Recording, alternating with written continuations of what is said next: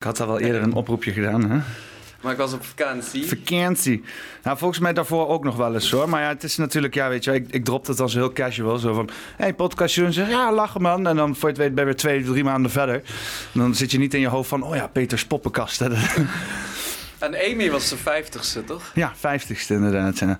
Zijn we begonnen? Uh, ja, als jij dat wil. Oké. Okay. Oh, kan, kan ook nog altijd later knippen, maar ik begin alvast gewoon met schakelen. Nu. Start! Nee, ja, ja ik kan. Ik zal wel even een kleine, kleine introductie doen. Want uh, we zitten dan op nummer 65. En dat is, dat is natuurlijk al gewoon leuk op zichzelf. Ja. Tim Lenders, dat is altijd leuk uh, natuurlijk. Maar uh, we hebben ook een soort van thematiek. Ik ga deze ook iets eerder uitzenden, namelijk op donderdag. Want, hoe zeg ik het goed? Wat is vandaag? Wat vandaag is vandaag? Woensdag. Het is vandaag woensdag. Dus Ja, morgen is ja, donderdag. Ik zit, god, ik zit goed. Ehm, is het Vrijheidsdag? Is het 5 mei? En ik denk, nou, wie nou eh, eh, eh, een mooie semantische discussie te hebben over vrijheid Ja. dan Tim Lenders. Nou, dankjewel dat ik hier mag zijn. voor Altijd. de tweede keer. Het is een, een wederzijds genoegen. Ja.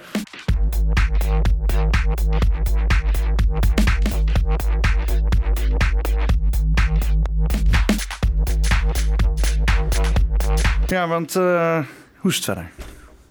Goed wel. 40 afleveringen verder? Is het leven er beter op geworden?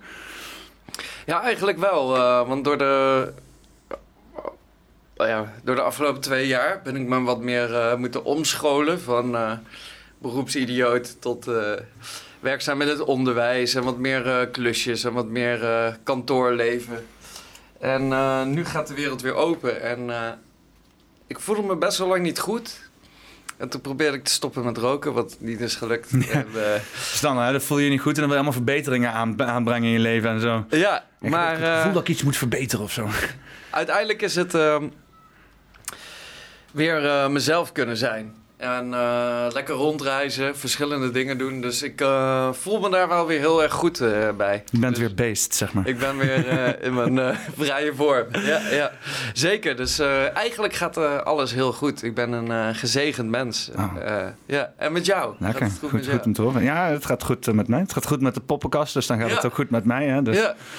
En eh, ja, het, eh, het- ik heb het sowieso, ik had begin van het jaar al zoiets van, dit gaat een mooi jaar worden. Het gaat een mooi jaar worden, gaat gek shit gebeuren. Eh, maar volgens mij gaan we, wat, gaan we wat doen dit jaar wat, wat, wat van waarde is. En eh, het, het ziet er al so, so far so good, zeg maar. Dus ja, ik kreeg in december opeens hoop. Toen in... ik zei, nee, keer het niet zo hoop. Wat? Ja, nee, ehm, toen in Zuid-Afrika die Omicron-variant was. Ah, ja, ja, en ja. na een week was eigenlijk al bekend dat het met ziekenhuisopnames wel tegenviel. En ehm, ik zag toen best wel een kans dat het zichzelf zou oplossen. Of ik zag een soort... We kregen toen nog op even een hele strenge lockdown. Maar ik, het was al snel bekend dat het allemaal wel eh, meeviel. Dus eh, ja, het jaar beginnen met eh, eigenlijk een belofte dat het weer goed... Of dat, dat je weer redelijk snel naar normaal terug kan. Wat ook heel snel is gebeurd. Ik dacht dat de transitie veel groter was, maar voor je het weet... eh, doe je Zit je weer- in een oorlog met Rusland? ja, ja, ja, dat wel. eh. ja, dit decennium is wel grappig, want het eh 2020 begon met corona. Peukje veel. Ja, zeker. Ik ben vergeten tabak te halen. En eh 2021 was eh bestorming van het Capitool. Ja, oh, dat was, oh, dat eh, ben ik alweer helemaal vergeten ja. bijna. Ja. En, De eh, Democrats jaar- echter niet, trouwens. Wat zeg je? De Democrats zijn het echter niet vergeten. Echter, alle Republicans zijn het wel allemaal vergeten. Die weten, die, oh, weet ik ook niet meer wat het was. eh, een half jaar geleden. Ja, ik geloof wel. ehm, volgens mij deed Nelson Mandela dat ook, maar ook in Rwanda. Dat je naar zo'n soort clusterfuck. eh, kijk, kijk, ken je Channel 5? Eh, dat is van echt All Gas No Breaks. YouTube-kanaal van een gast en die zoekt Ja, All Gas, op. all gas ja. No Breaks, die ken ik. ja. Ja, hij heeft dus een onderzoek gedaan naar de kapitoolbestorming. En ehm, Dat is, dat is trouwens geniaal, All Gas No Breaks. Ik wil ja, het wel even ja zeker. Is Ja. hij, want hij was even helemaal heet en toen blies hij op. Is hij weer, heeft hij dat doorgepakt of is Nee, hij hij gestopt? kreeg geen geld voor All Gas No Breaks. Hij kreeg een camper en dan moest het gratis doen. En hij heeft nu Channel 5 met Andrew Callahan. Oké. En eh, hij gaat gewoon op dezelfde voet eh, verder. Alleen dan krijgt hij wel eh, goed betaald. Maar hij onderzocht dus die extreme polarisatie. En een soort er was een soort beweging en het zou botsen. En hij vindt het nog wel meevallen hoe dat op de 6 januari is gebeurd. Ja, even een klein stukje All Gas No Breaks bij uh, de Proud Boys. Ja. Dat is wel een uh, mooie, denk ik, hè? Boys, use us to lift up this city, to save the people of this city. Don't let it die. Amen. Amen! Show some fucking motivation! Fuck Antifa! Fuck Antifa! Fuck Antifa!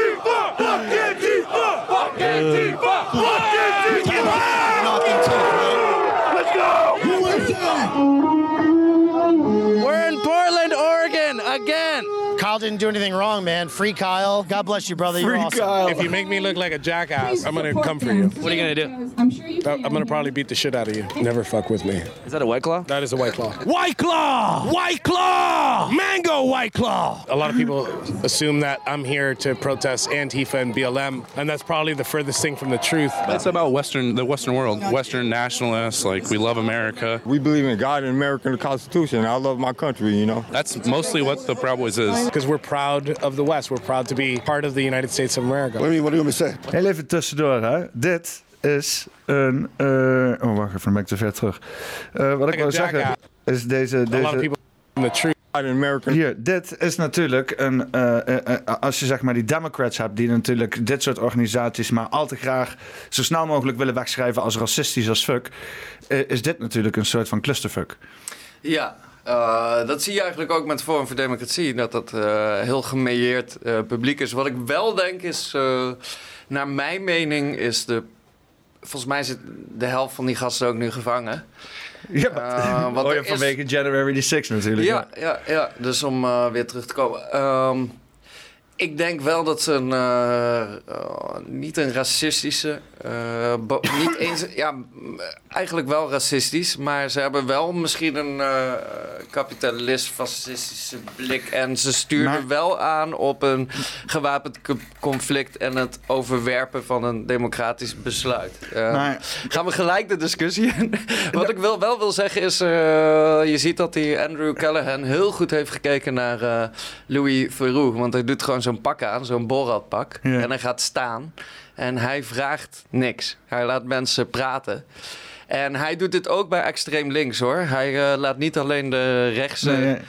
Wappies, om het zo te zeggen, maar ook de linkse woke mensen. En hij eh, is eigenlijk heel neutraal daarin. En Ja, want dat, Ja. dat is misschien ook wel leuk om te zien. Want, die, ja, want hij knipt eigenlijk gewoon alle, alle gekke momentjes knipt hij eruit en zet die achter elkaar. En, eh, en ja, wat, Ja, het dan, ja. wat het dan, wat dan, hier, die Portland protest is ook... eh, A-C-A-B! All cops are bastards!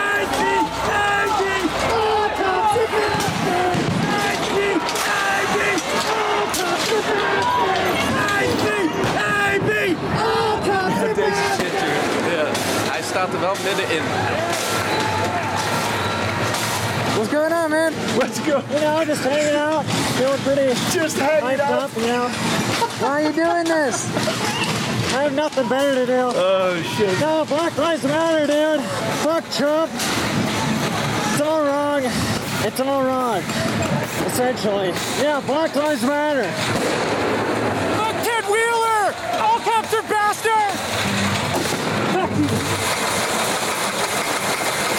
This is my city, not. This is Portland.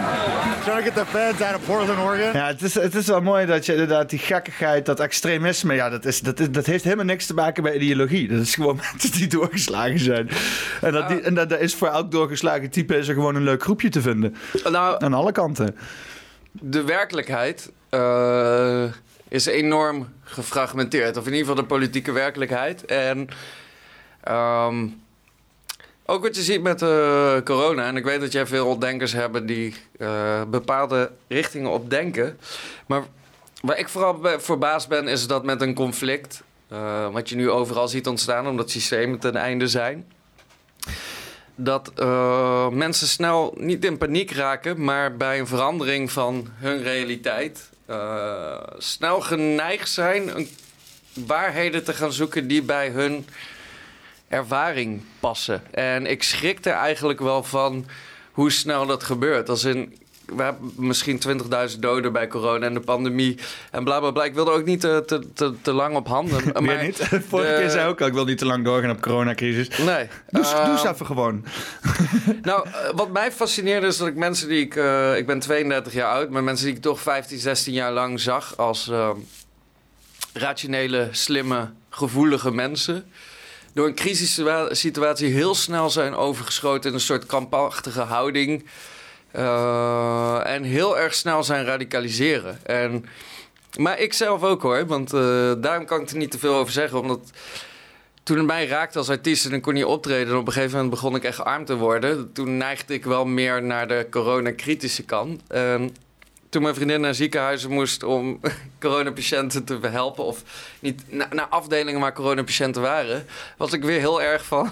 Nou ja, je hebt Ja, ook het hele spectrum Ja. gezien. eh. Eh, maar ook voor mezelf. Dus, eh, ook nu met de oorlog in Rusland. Er veranderen gewoon veel dingen. En je ziet supersnel een soort paniekreactie bij mensen... om alles gelijk te willen gaan inkaderen. En ook geneigd zijn de oren te openen voor mensen... die hun onderbuikgevoelens eh, reflecteren. Ja, een waarheid. En dat is op beide kanten hoor. Want eh, over twee jaar kunnen we goed zien wat er allemaal is gebeurd. En de, de, de mensen die corona die kritisch waren naar het inperken van de grondwetten, die hebben natuurlijk heel erg gelijk achteraf gezien. Eh, ik denk dat iedereen dat wel kan zeggen. Maar ehm, ja, de, de waarheid ligt in het midden. Wie, wie, wie, wie had achteraf gezien gelijk de critici, zeg maar? Of, of de, de niet-critici? Ja, ik denk allebei. Is, ehm, Ja, want het is nogal logisch dat, zeg maar, de dat er sowieso critici zijn die achteraf gelijk gaan krijgen. Dat heb je altijd. Alleen het hele punt was van, we hebben nu geen tijd voor critici en filosofie. We moeten nu gewoon beslissingen maken, zeg maar. ja. Maar Ja. wat ze dus ook voor zichzelf hebben gerekend, en dat is waar heel veel mensen een beetje over struikelen, zeggen, we moeten nu beslissingen maken en niemand gaat er verantwoordelijk voor worden gehouden. Nou, het zit een beetje in de aard van ons beestje. Als je kijkt naar Portugal, was een van de laatste landen die aan vaccineren toekwam. Zij hadden een dekkingsgraad van 98%. En zelfs toen er geen corona meer was... Zij, toen ik op vakantie was, hadden zij nog mondkapjes. En dat hield op een week geleden. Ehm, ik kwam nou ook een winkeltje binnen en dan zit niemand er. En dan ging ik met een zonder mondkapje naar binnen. En dan zei iedereen het, het regels zijn regels. Ah. Ja, dus Portuge- Portugezen zijn een stuk eh, volgzamer, maar het werkte daar eigenlijk wel eh, goed. oh, maar goed, in. Nederland is iedereen gewend. eh, is het begrip van vrijheid ook een beetje anders, denk ik. En is er een hele grote weerstand. En achteraf heb je daar gezien heel gelijk. Maar ik kan goed voorstellen, daar verschil ik ook mee met complotdenkers, dat als er een crisissituatie is, dan moet je eigenlijk een complot beginnen. Eh, laat me uitleggen, bijvoorbeeld bij mijn organisatie heb je wel eens crisissituaties. Ja. Of je gaat ehm, de strategie voor het komende jaar eh, bepalen. En je wilt bijvoorbeeld naar eh, Paradiso. Dan ga je niet aan iedereen vertellen, wij gaan naar de Paradiso. Maar je benadert hun en je houdt dat maandenlang geheim. En dan kies je ervoor om dat naar buiten te treden. En er zijn ook crisissituaties die binnenskamers moeten worden opgelost. Zo zie ik het ook met heel veel dingen. Ik vind het niet meer dan normaal, vind ik een Bilderberg-conferentie.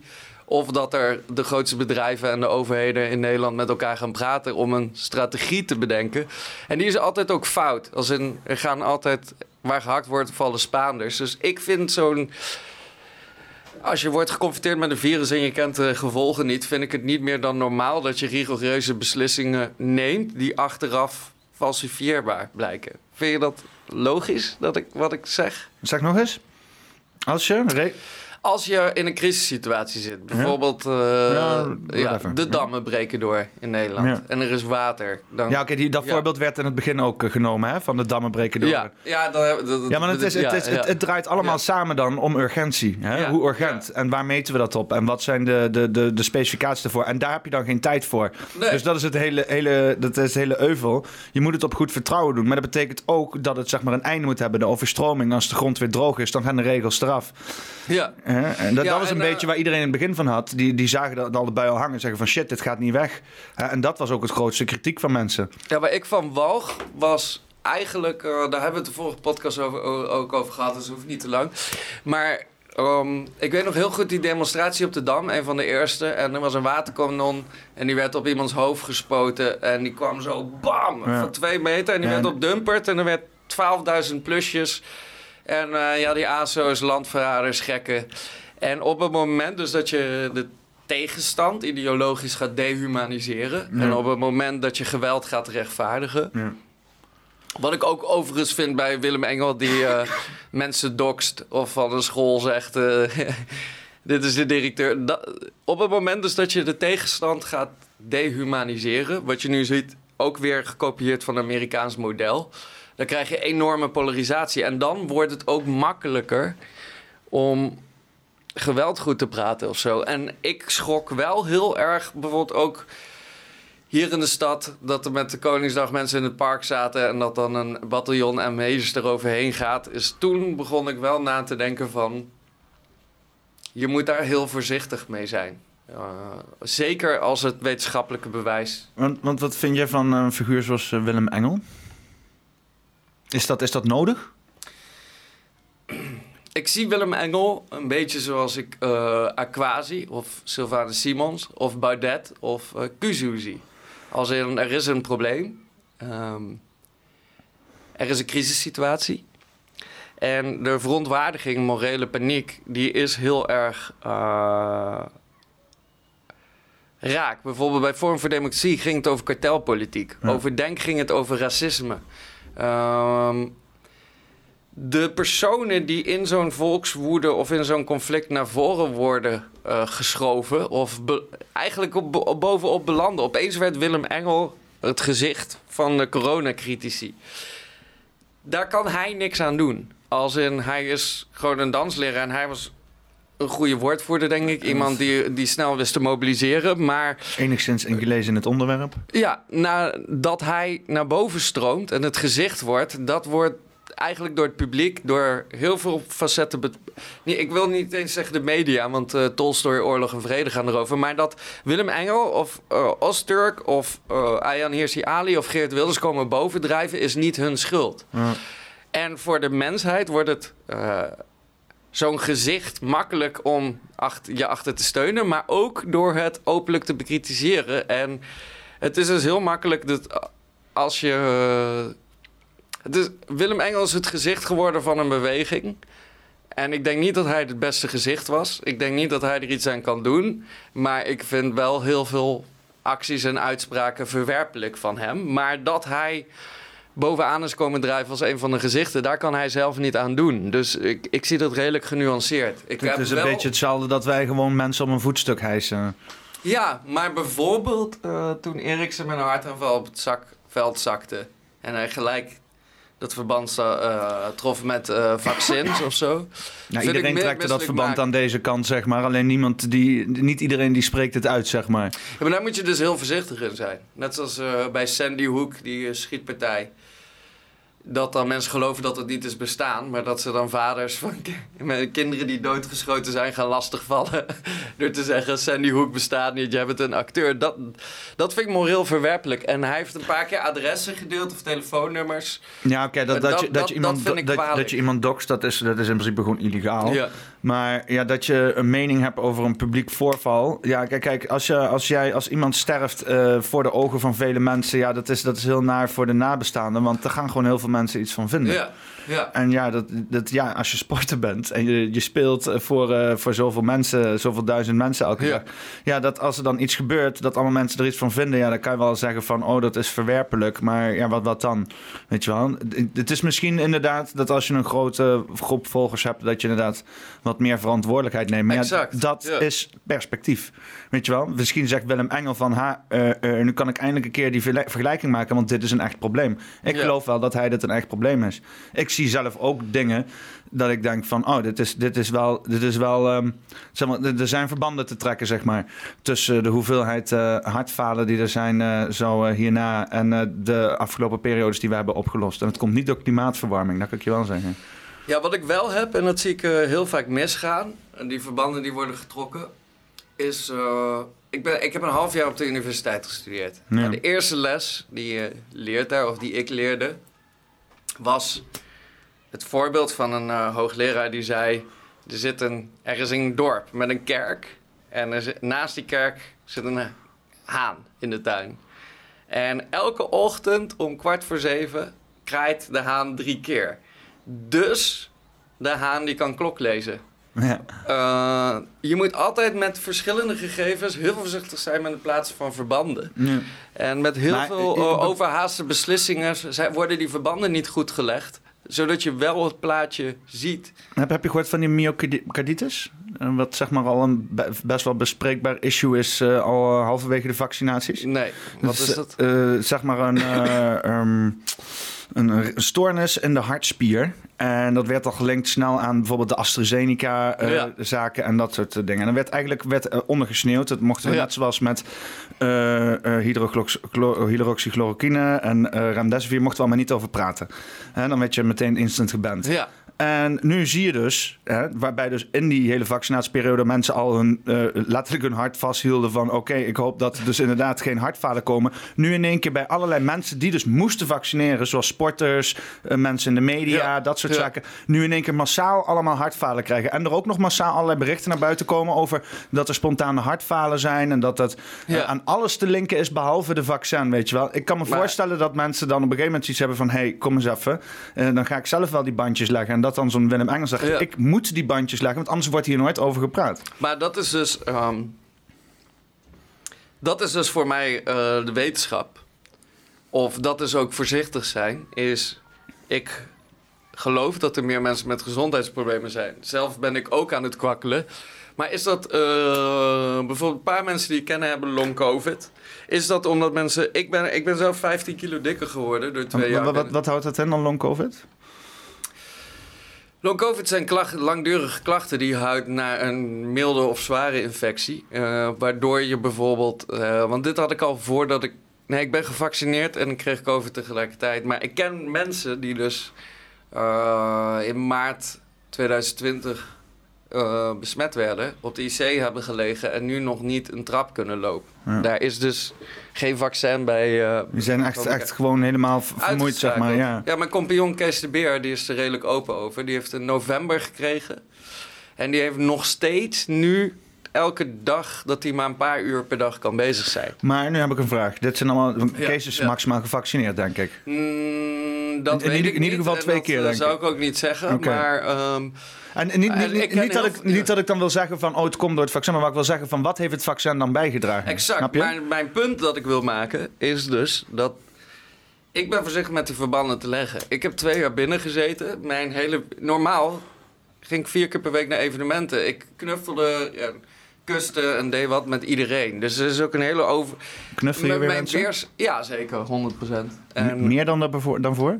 nee, Ik want wel. ik eh, ben wat meer terug. Ik, ik, ik kan ben niet meer- meer goed tegen grote groepen. Ja, Dus dat, ik, eh, dat moet ik eerlijk zeggen. ja, maar daar ja. had ik ook al wel last van. Maar eh, ik knuffel meer. Vooral met allemaal bekenden en zo. Ik ben gewoon volledig overgegaan op knuffelen. Vakhanden schudden. Ja, dat, ja maar je weet dus niet of het een twee jaar gebrek aan weerstand is of binnenzitten. Ik weet dat nog niet. En ik vind het ook... Ik, ik, ik denk ook dat het heel voorbarig is om ook zelfs als bijvoorbeeld zo'n RIVM of een CDC te zeggen: dit is het, dit is de, eh, eh, dit is het probleem voor iedereen. Snap je? Ik bedoel, er zijn Ja. hier in die, in die Ja. twee jaar waarbij we dus inderdaad wat daarvoor hebben meegemaakt. eh, In mijn ogen zijn we hebben een bio-aanval doorgemaakt. En is, eh, Omicron is een soort van white hack counter bio-aanval om dus eigenlijk de pandemie te eindigen. ja, daar heb ik geen weet van. Ja, dus ik, ik heb een heel, hele film in mijn hoofd zitten. Ja. Maar ehm, eh, wat we allemaal individueel hebben doorgemaakt, dat, dat heeft zoveel factoren. Dat heeft een stukje eigen gezondheid en dat kan een stukje fysiek zijn, maar ook mentaal. Het, is, het heeft heel erg te maken met de omgeving, met wat je bezigheden waren. Ja. Dus, het, dus om dan te zeggen van ja, het is allemaal de schuld van dat virus, is m- ook te beknopt, denk ik. Ik denk dat Ja. iedereen ook echt moet naar zijn eigen leven moet kijken en zeggen van hoe heeft de zaken er to- tot opgeleid dat ik in deze periode wel eh, eh, zo vatbaar ben geweest. En dat is voor ieder is dat een individueel verhaal. En, en door te denken van, oh ja, maar ik, ik heb me laten vaccineren, dus, dus dat, weet je wel, dat is wel, ik weet niet, ik, ik, eh, eh, Eh, Of niet, weet je wel. Ik, ik denk die, die vaccinatie, dat zou, meer, dat zou meer... Het is jammer dat het inderdaad zo'n leidende discussie zou worden. Want het zou eigenlijk meer gewoon een soort van extra ding moeten zijn on the site. En voor de rest had iedereen gewoon zijn eigen pad moeten hebben... om eh, gezond door die pandemie heen te kunnen gaan. Maar Ja. het is allemaal wel, en dat is denk ik ook wat, dat is wat mij heel erg stoorde...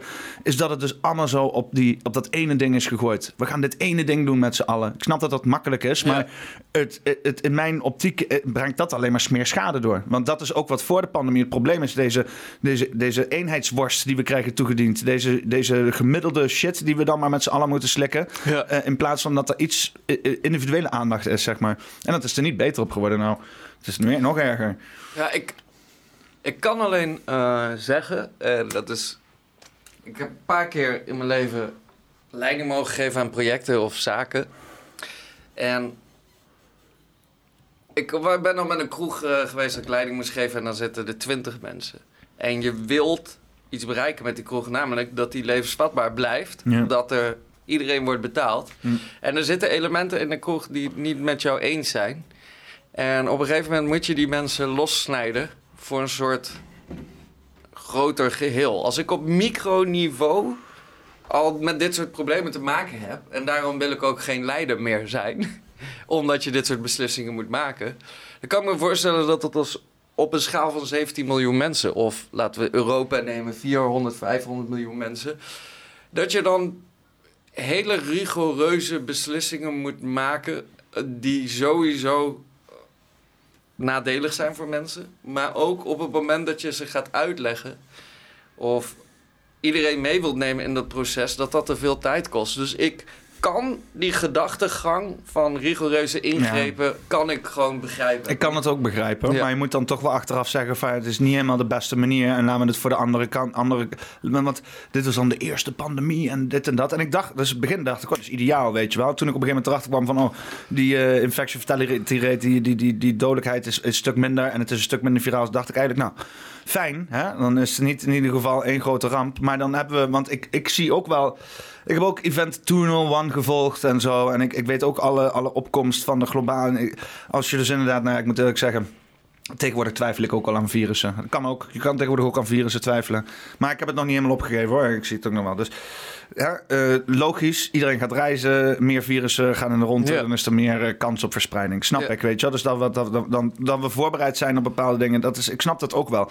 Dus dan wil je juist dat je hier naar kijkt. En goed gaat evalueren. En streng bent, weet je. Alleen, ja, behalve over financiële zaken. eh, hebben we het helemaal niet over wat voor beslissingen. En wat voor gevolgen het hebben. En hoe we dat beter gaan doen. Sterker nog, die hele noodwet zit er nog steeds op. Ze houden Ja. maar zoveel mogelijk dingen die ze afgelopen jaar hebben gedaan. in dat toolbox. Hè? In plaats van dat ze zeggen van we gaan het eraf gooien. Gaan we het eh, herdefiniëren en chip. En dan de volgende keer hebben we een toolbox die is helemaal shiny en goud. Ja. Nee, ze laten die shit nog verder roesten in die kist. En dan de volgende keer trekken ze een of andere roestige kist met gereedschap open. En dan gaan ze er weer lopen zwaaien met oude tools die toen ook al niet werkten. Dat is wat er gaat gebeuren. Ja. En eh, eh, dat is wel een beetje waar ik, me, waar ik me druk om maak. Dat zeg maar nu na twee jaar er nog steeds niet gewoon een discussie wordt gehouden. Zoals het is. Dat we gewoon met een of andere. dat we gewoon. Ja, weet je, dat onze eh, zorg is. dat we meer aandacht moeten besteden aan het individu.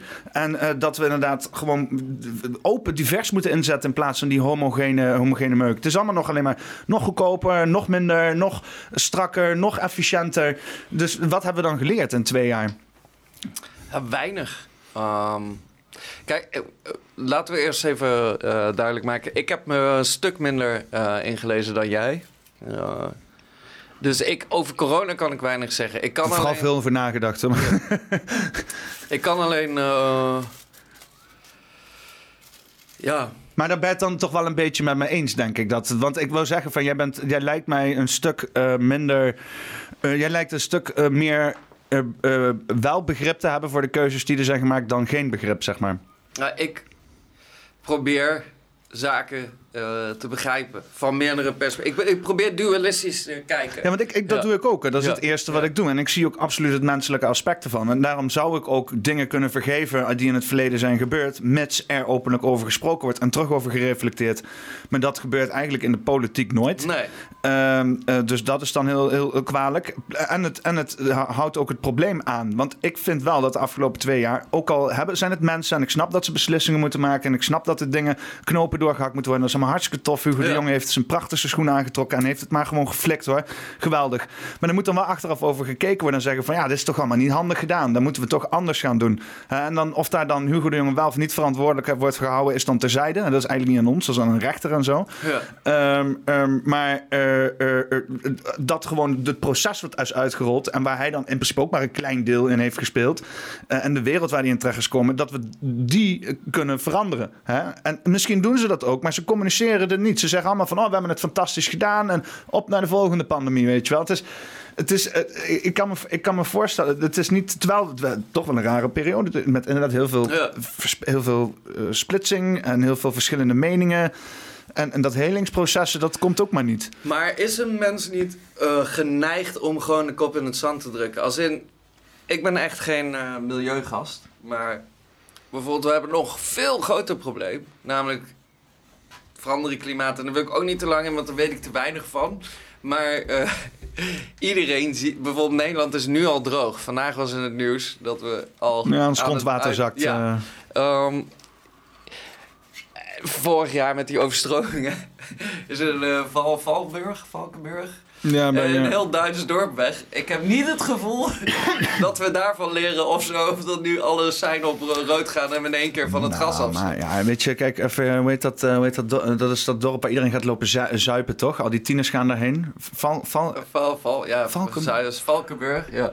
Maar dat is inderdaad een heel middeleeuws dorp, Dus, inderdaad. ehm, als Maar we dat die- dan niet met klimaatcrisis kunnen, terwijl we dat in de club 50 jaar geleden. Maar ik, heel, heel even, want hier wil ik wel op ingaan. Want ik vind het wel leuk dat jij dus inderdaad dan juist... Die, want dat was dus en zo. Ja. zo hè. Je hebt dus inderdaad een middeleeuws dorp. Die ligt aan de Geul. Een heel klein kutslootje is dat. Die hebben ze daar ooit eens een keer gebouwd. Nou, dat is helemaal niet in, met in oog genomen... wat voor weersverschillen er kunnen zijn over 500 jaar. Dat, dat, dat is niet wat ze hebben gedaan. Nee. Eh, dus het is logisch dat dat soort verouderde constructies die niet zijn opgebouwd met. Want je kan me niet vertellen dat in 500 jaar niet iets verandert, weet je wel. Dat er iets eens een keer een grote bui Ja. neervalt daar. Dus, eh, en wat het was, vroeger was het ook minder een probleem. Hè? Als er dan eens een keer zo'n bui neervalt en je hele kelder liep onder, ja, dan was je houten, houten eh, eh, kruiwagen en je, en, en je graan misschien weggespoeld.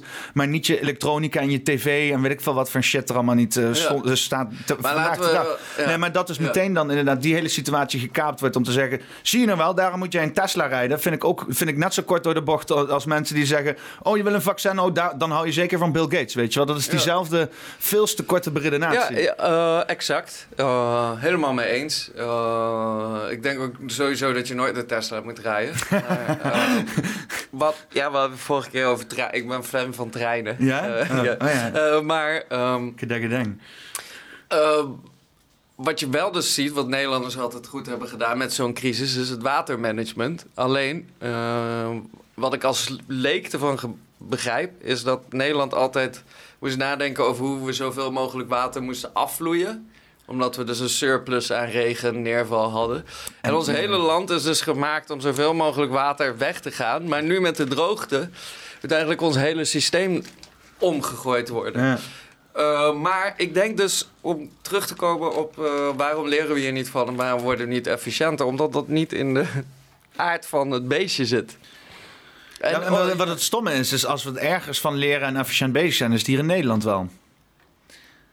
Ja. ja. In, ten opzichte van de wereld, zeg maar. Ja, ja. ja ik was in Portugal in het ziekenhuis. Nou, ik heb vaak afgegeven op het zorgsysteem, maar uh, je kan toch beter in Nederland naar het uh, ziekenhuis. Maar misschien omdat we ook zo kritisch zijn. Maar dan is deze houding is goed. Nooit tevreden zijn, altijd lopen kankeren op de fucking overheid, weet je wel. Ja, ja ik denk dat, dat Nederland... Uh, misschien zo'n goed land is omdat iedereen altijd ontevreden is. Dus wil je eigenlijk zeggen dat de Willems Engels van onze wereld eigenlijk Nederland Nederland maken? Nou, ik denk wel dat uh, ook Sylvana Simons en ook Aquasi, ondanks dat ze grote weerstand oproepen, dat dat wel, um, om even op vrijheid te komen, ja. dat in Nederland uh, dit soort uh, opinieleiders moeten kunnen ontstaan. Ook al, ik vind wel ik vind wel, moet ik even zeggen, met Willem Engel... Uh, het is geen vrijheid van meningsuiting... maar ik vind wel een probleem als ik zeg... Uh, die, uh, Peter van Asselt die had zulke vage dingen... doe hier zijn adres. Dat vind ik gewoon niet nee. zo netjes. Nee, nee, nee dat, dat mag niet. Maar... Dat moet gewoon niet doen. ja, natuurlijk. Natuurlijk vind ik in Nederland... ik vind zo'n om weer even op actualiteiten te doen. Ik vind in Nederland wel zo'n Theo van Gogh of een, een, een, een, Fortuin of een... Ja, Johan Derksen vind ik wat minder, want dat is cafépraat. Maar ik vind het belangrijk dat dit soort eh, mensen die, waar ik het niet mee eens ben... dat die kunnen ontstaan. Natuurlijk, dat is, eh, dat is vrijheid. Dus ik zou nooit het bestaansrecht van Willem Engel eh, willen ontkennen. Al, ja, al heb ik wel moeite met uitspraken, en dat is dan niet van hem, maar er komen tribunalen en je wordt berecht. En ik geloof dat dat uit de goede is. Maar wederom het dehumaniseren en het... Want dat, dat komt ook vanuit Forum voor Democratie, denk ik, hè? dat wel, ja. Ja, ja met die, daar komen tribunalen en zo, ik snap het. Uh, maar ik vind dat wel een grens van fatsoen overgaan. En ik vind fatsoen niet eens zo heel belangrijk. Maar ik vind het gewoon belangrijk dat mensen Ja, kunnen... het is ook de manier eh, hoe je het doet. Hè? Als je dus inderdaad gewoon een officieel eh, document invoert met een krachtige argumentatie waarom de tribunalen zou komen. Maar die, die schreeuwden het Ja, gewoon even ja. als een belediging, weet je wel? Even, even als bedreiging. Vingertje erbij. Ja, ja. Kom het tribunaal! Ja, nee, Dat, het, eh, het was wel heerlijk om naar te kijken, maar ik snap dat dat natuurlijk niks bijdraagt, zeg maar. Nee. Het is sowieso, ik vind het sowieso heerlijk, want ik vind Wilders ook heerlijk om naar te kijken. Niet omdat ik zo pro-Wilders ben, maar omdat er iedereen op af te zeiken. En ik zo'n scheidhekel heb aan het hele fucking clubje daar in die Tweede Kamer. Dan is het lekker als iemand daar eens even die, die gasten allemaal op hun plek zet. Alleen eh, in de tijd dat ik dus Wilders volg, het, helpt niet. Want ja, het is mooi dat hij de vrijheid heeft om dit te doen, maar het brengt ons nergens niks heen. Plus, ik vind ook nog, de, dat, maar dat is misschien een discussie voor een andere keer, dat, eh, dat, dat, dat die hele PVV is gewoon een soort van eh, eh, VVD voor plebs die niet mogen meedoen. Nou, dat zeg jij. Ik eh, moet zeggen eh, dat ik toch Geert Wilders van... Want hij was... Ik heb hem ook wel eens eh, een interview gezien uit 1998... dat hij zei... Fortuyn, wat hij zegt, gaat veel te ver. En hij is een tijdje redelijk geradicaliseerd. Ehm, ik moet wel zeggen dat ik zijn inbreng in de laatste vier jaar... ehm, hij maakt politiek begrijpelijk. Hij is scherp en hij kan goed van zich afvechten. Maar ik heb wel een probleem. Ik weet niet meer of dat het partijprogramma van PVV is. Maar zij hebben een paar partijpunten, zoals het opdoeken van de islam, dat gewoon tegen de grondwet ingaat. Ze vinden het een soort van volksverlakkerij omdat het... eh, Ja, maar het is, dat is expres zo gedaan. Ja. Om dus inderdaad eh, wel al die extreme gasten die dat, dat soort taal maar lekker vinden, allemaal onder één paraplu te krijgen. En ze vervolgens als een geheel aan de kant te kunnen zetten. Zo van, ah, daar hebben we dan ook geen last meer van. En ondertussen doen ze op de achtergrond een beetje het idee geven alsof Wilders en, eh, en eh, Mark toch een beetje eh, dezelfde kant op bewegen. Hier en daar in ieder geval in grote lijnen. En dan doet Wilders spreekt zich vooral heel erg uit tegen vluchtelingen. Mark Rutte die probeert daar heel gematigd in te zijn, maar probeert wel uit te stralen dat hij dat ook is, zeg maar. En dan vervolgens doen ze allebei op cruciale momenten niks op, tegen vluchtelingen, weet je wel. Ja, maar dus- de, de grote grap is ook dat kapitalisme heeft een oneindige stroom van immigranten nodig. Als in, een, je kan eh, zeggen als VVD, wij zijn kritisch op immigratie, maar in de distributiecentra, in de fabrieken, in de bakkerijen, in de aspergeteelt, in de slachthuizen, daar is netto immigratie voor nodig. We, hebben, we maken te weinig kinderen als bevolking. Dus daarom gaat Amerika China ook over tien jaar weer voorbij. Omdat China geen immigratie heeft en daar een vergrijzing heeft. Maar als je kijkt naar Amerika, zelfs de conservatieven weten... er moeten 2 miljoen mensen per jaar bij. Want een kapitalistisch systeem kan niet zonder groei. Dus als je, al, als je als partij, politieke partij in Nederland zegt... die het zakelijk belang vertegenwoordigt... en je zegt dat je tegen immigratie bent, dan, dan lieg je. nee. En dat doet de VVD ook vaak, want in de verkiezingspraatjes doen ze altijd kritisch. Maar VVD, het succes van Nederland, kan niet zonder laaggeschoolde arbeid... die veelal uit het buitenland geïmporteerd moet worden. Nou, weet, weet je waar het een beetje de, de verkeerde kant op gaat? En eh, dat is nu met de Oekraïne gebeuren mooi, eh, mooi, eh, eh, mooi zichtbaar geworden. Eh, mijn vriendin die woonde, ant- woont anti-kraak. En eh, die en een hele clubje, en zoveel mensen in Nederland die anti-kraak worden, Ja. woonden, werden er allemaal uitgeschopt eh, vanwege vluchtelingen uit Oekraïne. Ja. Dus dan heb je allemaal mensen in Nederland die vanwege omstandigheden anti-kraak moeten wonen. Want zo geweldig is dat niet per se. Hè? Het is Nee. voor een tijdje leuk, maar op een Ja. gegeven moment is het vooral een hoop eh, eh, onafhankelijkheid en ontoegankelijkheid en eh, halve voorzieningen en dat soort zaken. Ja. Ehm, ehm, ehm, dat, je dan, dat je dan gewoon weer terug moet naar je ouders of, of, of Ja. desnoods eh, helemaal op schaakmat wordt gezet. Dat je misschien eh, ongedwongen eh, bij iemand moet gaan wonen of moet gaan couchsurfen of zo. Eh, of in Ja. het ergste geval zelfs zelf op straat komt te staan. Dan volgens mij kan zo'n... Ik weet niet of zo'n zo'n huisvestingsbedrijf dat überhaupt kan maken. Maar ook de verontwaardiging vanuit de buurt. Hè, dat, dat wij dus met z'n allen weg moesten en dat er ver- verluchtelingen in kwamen. Dat ze ook dachten van, ho- hoezo dan? Wat, wat is daar Ja, dan? Waarom wordt dat ingeruild? Ik moet wel zeggen, anti-kraak is anti-kraak. Dat is tijdelijke bewoning. Nee, het is, het is juridisch is het verantwoord. Ja. Daarom vallen hun Ehm, ook daaraan. Maar de, de bedoeling is dus inderdaad voor ontwikkeling. Hè? En dan wordt nu, dus nu deze juridische constructie soort van ja, gebruikt voor, voor deze situatie. Ik zoek het even op. Ehm, eh, volgens mij stonden er 236.000 vacatures open. Vacatures open in Nederland. Ja, dat er, werk, eh, dat er werktekort is. Dat er een gruwelijk werktekort is in Eh, eens even kijken. Overal, eh, 400.000 vacatures staan open. Dus ook de VVD die zegt... we gaan versneld Oekraïners toelaten dat ze mogen werken. Dat is gewoon omdat deze... Hoe de fuck komt dat in één keer? Eh, de- Oké, alles heeft stilgelegen met de pandemie en dan gaan we weer open en in één keer is er werktekort. eh, eh, het openbare leven, de cultuursector en bepaalde uitvoerende sectors zijn open. Maar de, de, de economie. Coronabeleid is zo geweest dat de economie gewoon heeft kunnen draaien. Dus, en eh, wat je ziet, is dat ook eh, partijen zoals Amazon, Bol.com en zo, eh, eh, Picnic, Gorilla's, spectaculair zijn gegroeid. Dus je hebt nu eigenlijk enorm veel letterlijk mensen nodig die eh, waren van de een tot de andere plek kunnen brengen. We hebben Rotterdam, een van de grootste havens. maar kunnen die bedrijven die dan zo gegroeid zijn tijdens de crisis ten koste van alle mensen die moesten sluiten gewoon niet weer lekker krimpen?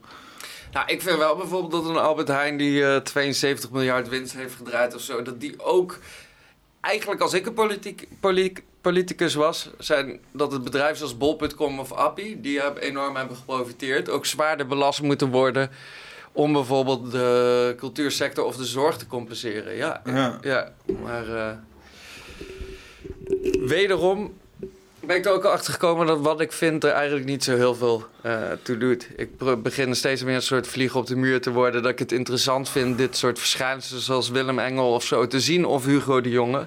Zonder er een waardeoordeel aan te vestigen. Ik, vind, ik ben steeds meer...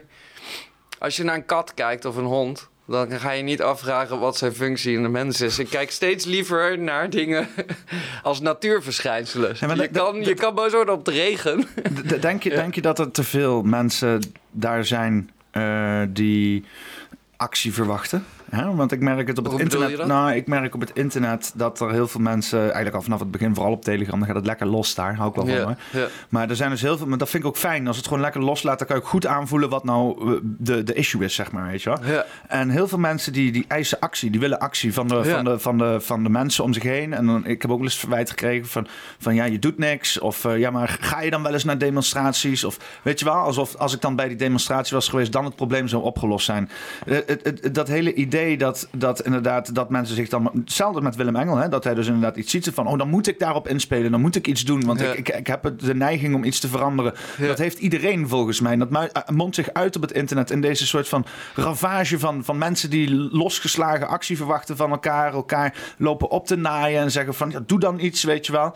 Terwijl, er, terwijl eigenlijk iedereen gewoon, gewoon inderdaad wat meer een observant zou moeten zijn. Gewoon af en toe.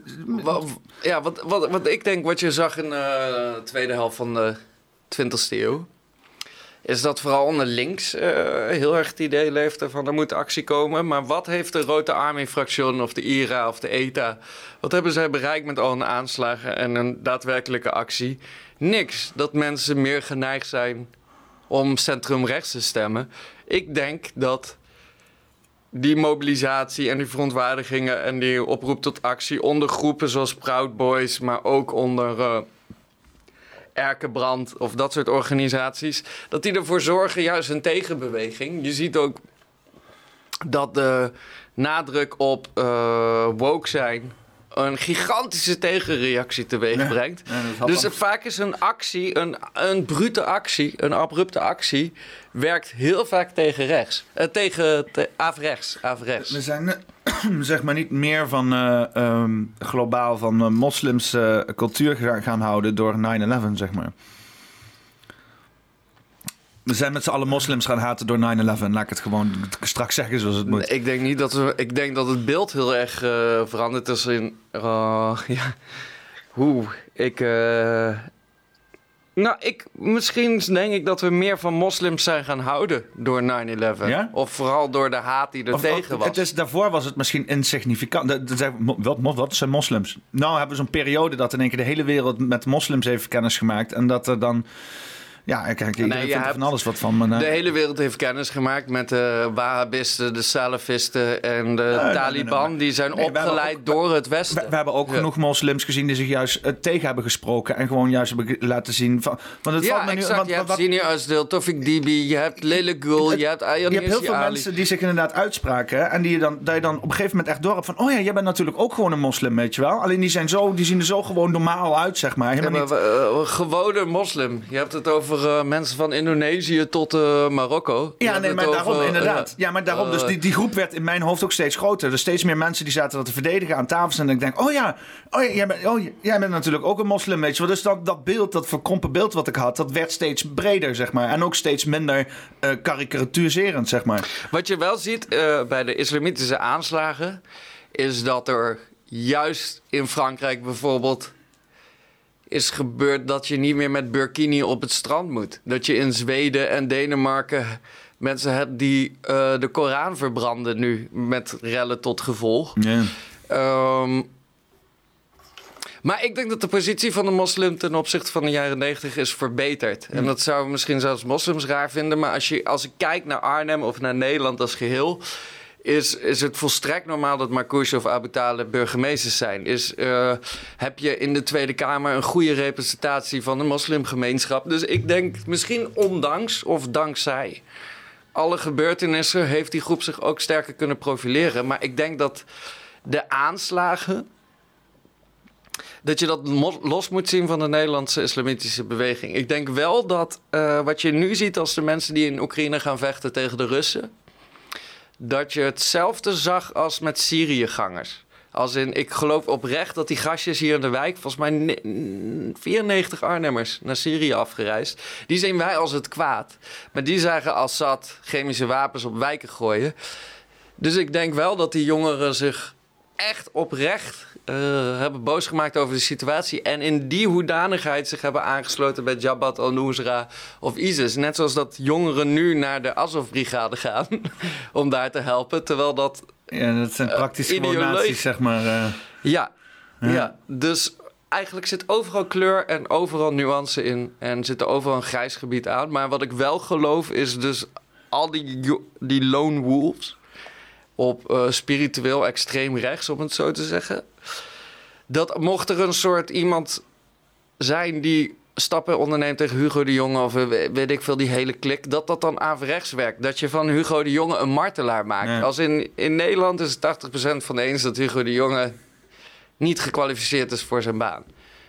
Uh, er ik denk dat als je hem, net zoals Fortuin, Dan komt er iemand terug voor Hugo de Jonge met nog eh, eh, grotere schoenen, met eh, Ja. nog arrogantere kop, die nog radicalere laten we shit terugnemen, ik ben links. Ehm, Maar bij Fortuin, oh, die serie op NPO is ook echt een aanrader.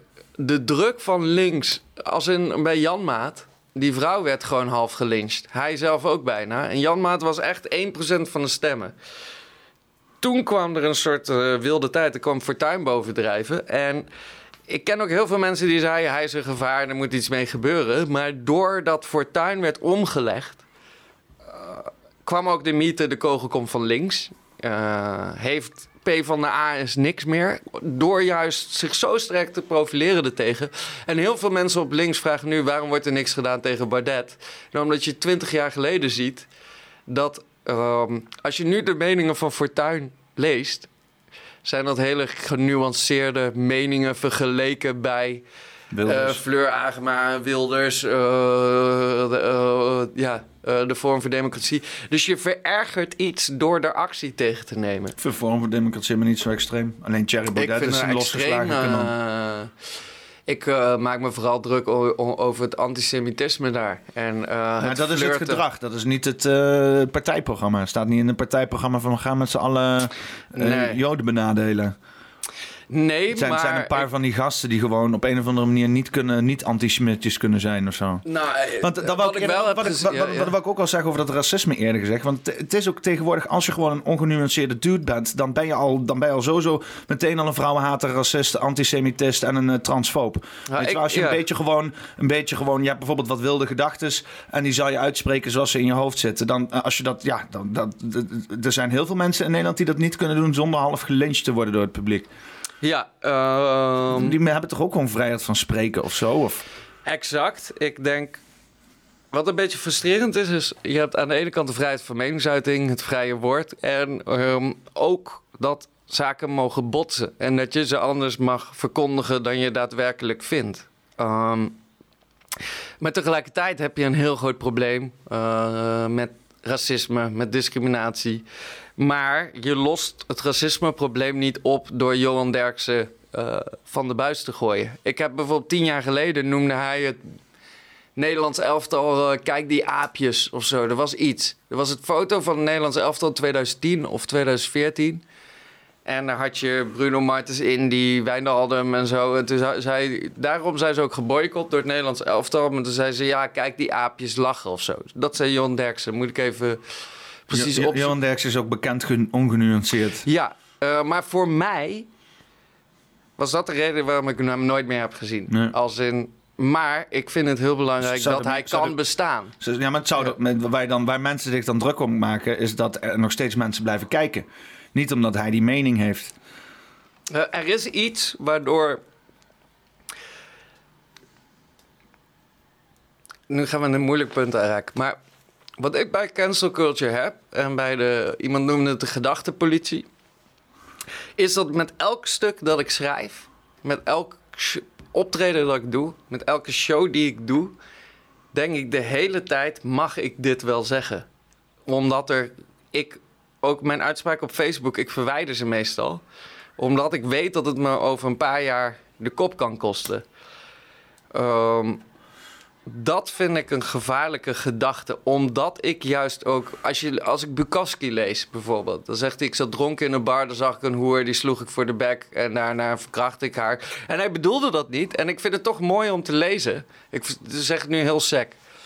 Uh, maar je leest een beetje dat hij het, het rauw randje aan het leven en de echte realiteit, zoals die op straat is in die tijd, uh, verwoordt. Ik vind het heel gevaarlijk dat je bepaalde dingen niet meer onder de aandacht moet brengen. En dus in de beeldvorming of namens een platform, dat je jezelf gaat inslikken of zo bewerken dat je eigenlijk alleen maar bezig bent met de ontvanger. En ik begrijp dus dat mensen het steunen als Johan Derksen een walgelijke grap maken over een transgender of over wie dan ook. Dat zij denken, ik deel die mening niet, maar ik vind het wel fijn dat dat gezegd kan worden. Snap je wat ik bedoel? En, en wat het is, weet je wel, het is ten koste van zijn imago, weet je wel. Mensen die daardoor gekwetst raken en dan hun leven daardoor laten leiden, dat is eigenlijk een probleem op zichzelf staan bij die mensen. Ja, maar wat ik Niet wel bij heb, Johan Derksen. Uh, Johan Derksen geeft de cancelcultuur de schuld. Maar ik betwijfel of je 25 jaar geleden had kunnen zeggen dat je iemand verkracht had met een kaars. Snap je wat ik bedoel? Want het is, het is gewoon de domste opmerking die je ooit Zeker. kan maken. En, En ik, is- ik betwijfel en of het en- echt gebeurd is. Als in... Uh, v- ik las een interview met René van der Grijp. En die zei de volgende dag dat hij dit verhaal in voetbalkantines in honderd verschillende varianten heeft gehoord. En ook het grapje met blij dat er geen honkbalknuppel bij zat. Dat dit een soort. Hij. En nu ga ik wel complottheorieën uh, verspreiden. Ja, welkom bij de poppenkast. Derksen wilde langer stoppen. Dat is al twee, drie jaar. Ja, ik, denk ook, ik denk ook dat zit zijn. eh, Ja, maar wacht even. Uh. Johnny de Mol lag onder vuur omdat hij zijn ex volgens mij half dood heeft geslagen. Of hij heeft gruwelijke dingen met zijn ex gedaan en hij ontkent dat. En hij zat heel lang nog aan die tafel. En toen zei volgens mij Emma Wortelboer, ook een hysterisch mens, boeit me niet. Maar die zei, ik ga niet bij half acht aan tafel zitten met iemand die zijn vrouw half dood heeft geslagen. Toen is Johnny de Mol van de tv verdwenen. Een dag later komt Johan Derksen met dat kaarsverhaal. Iedereen heeft het over, uh, over Johan Derksen. Niemand heeft het meer over Johnny de Mol. Dus ik denk... Ja. Mijn theorie is dat John de Mol heeft gezegd... joh, jij wilt stoppen, ik betaal je een- contract uit... zeg iets raars waar iedereen over valt. Want het gaat niet meer over Johnny de Mol... die dus daadwerkelijk die de afgelopen jaren waarschijnlijk zijn vriendin half dood heeft geslagen. Het gaat alleen maar over Johan Derksen. En mijn theorie is dus dat John de Mol heeft gezegd van jullie willen toch al stoppen, want het, het was al jarenlang een soort... eh Johan Derksen heeft al tien keer gezegd dat hij ging stoppen. Dus ik denk wel eens dat het heel veel mensen goed uitkwam. Dat er nu een discussie geraakt over een kaars van 50 jaar geleden. Johnny de Mol als een die, die, die, die zijn eigen show had in één keer, toch? Ja, half acht. Ja, want dat was, want dat is mij, nou ja, het is me niet ontgaan, maar ik ben inderdaad niet, ik ben inderdaad afgeleid door Johan Derks. Ik heb godverdomme een hele fucking stream erover georganiseerd zelfs. En, eh, of met, met Chris, met Chris, eh, vijf uur, vijf en een half uur lang gesprek met Chris, eh, ten ere van Johan Derks gehad. Ja. Inderdaad, ja. We zijn er ook gewoon in gestonken dan. Maar wat was er dan met, want, want hij, want, want ik vond het mooi om te zien dat hij dan zijn eigen show heeft en dat dan die voice shit begint en dat die, die gozer heeft zich gewoon drie, drie maanden lang alleen maar lopen excuseren op tv, weet je wel. Die is helemaal door de mollen gesleept. En dan het eindigt nog inderdaad met het grootste schandaal wat, wat dan van hem is. Maar wat was er dus precies? Even kijken. ehm, Ik wil het ook wel even opzoeken. Er even wat dieper op ingaan. ja, dus het gaat over... eh, ik ga even naar het toilet, dan kun jij het opzoeken. Met Janine Mol. Volgens Wat- mij... Wat? Nee. Wat? Ik ga naar het toilet, dan Ja. kun jij het opzoeken. Oh, dan go- gooi me hier in één keer in het diepe zo. Ja, dat is goed. Regie, nu! ja. En ik- aan, tijdens dat ik aan het opzoeken ben, dan kan ik juist niet praten. Eh, Johnny de Mol, eh, mis, mishandeling, wat? eh Shima heet ze volgens mij. Shima, eh, mishandeling. Even kijken wat YouTube ons geeft. Eh, Het is één jaar geleden. Eén jaar geleden, drie weken geleden. Opnieuw beschilderd van mishandeling. Show News. Het was even stil rond de aangifte van Shima Kaas, de ex-verloofde van Johnny de Mol. Maar Albert, er is vandaag nieuws. Ja, en het nieuws is eigenlijk de aangifte zelf. Want die aangifte die Shima Kaas gedaan heeft tegen Johnny de Mol... eh, wegens vermeende mishandeling, want daar beticht ze hem van... dat dat drie keer gebeurd zou zijn. Die aangifte is vandaag uitgelekt via HP De Tijd. En dat is best bijzonder, dat totale aangifte uitlekt. HP De Tijd heeft foto's weggelaten die, ze, eh, die daarbij hoorden. Maar voor de rest staat echt alles erin. En, en dat is echt een pittig verhaal, Ja. als je dat zo leest. Eh, nou, En er kwam ook nog naar buiten dat er volgens mij ook meerdere getuigen zouden zijn, toch? Ja, ze schrijft dat er in Mexico mensen het gezien moeten hebben. Althans, staat in de aangifte. En er staat ook in de aangifte dat iemand in Amsterdam, bedrijfsleider van een club, dat hij ook getuige zou zijn. Dus eigenlijk roept ze mensen op om zich te melden. Nou, of dat. Ja, of dat gaat gebeuren, daar gaan we het er zo meteen even over hebben. Ja. Eh, maar het heeft natuurlijk heel veel losgemaakt vandaag. Eh, want eigenlijk blijft het stil bij zo'n zaak. Hè. Er wordt aangifte gedaan, laat ik even helder wezen.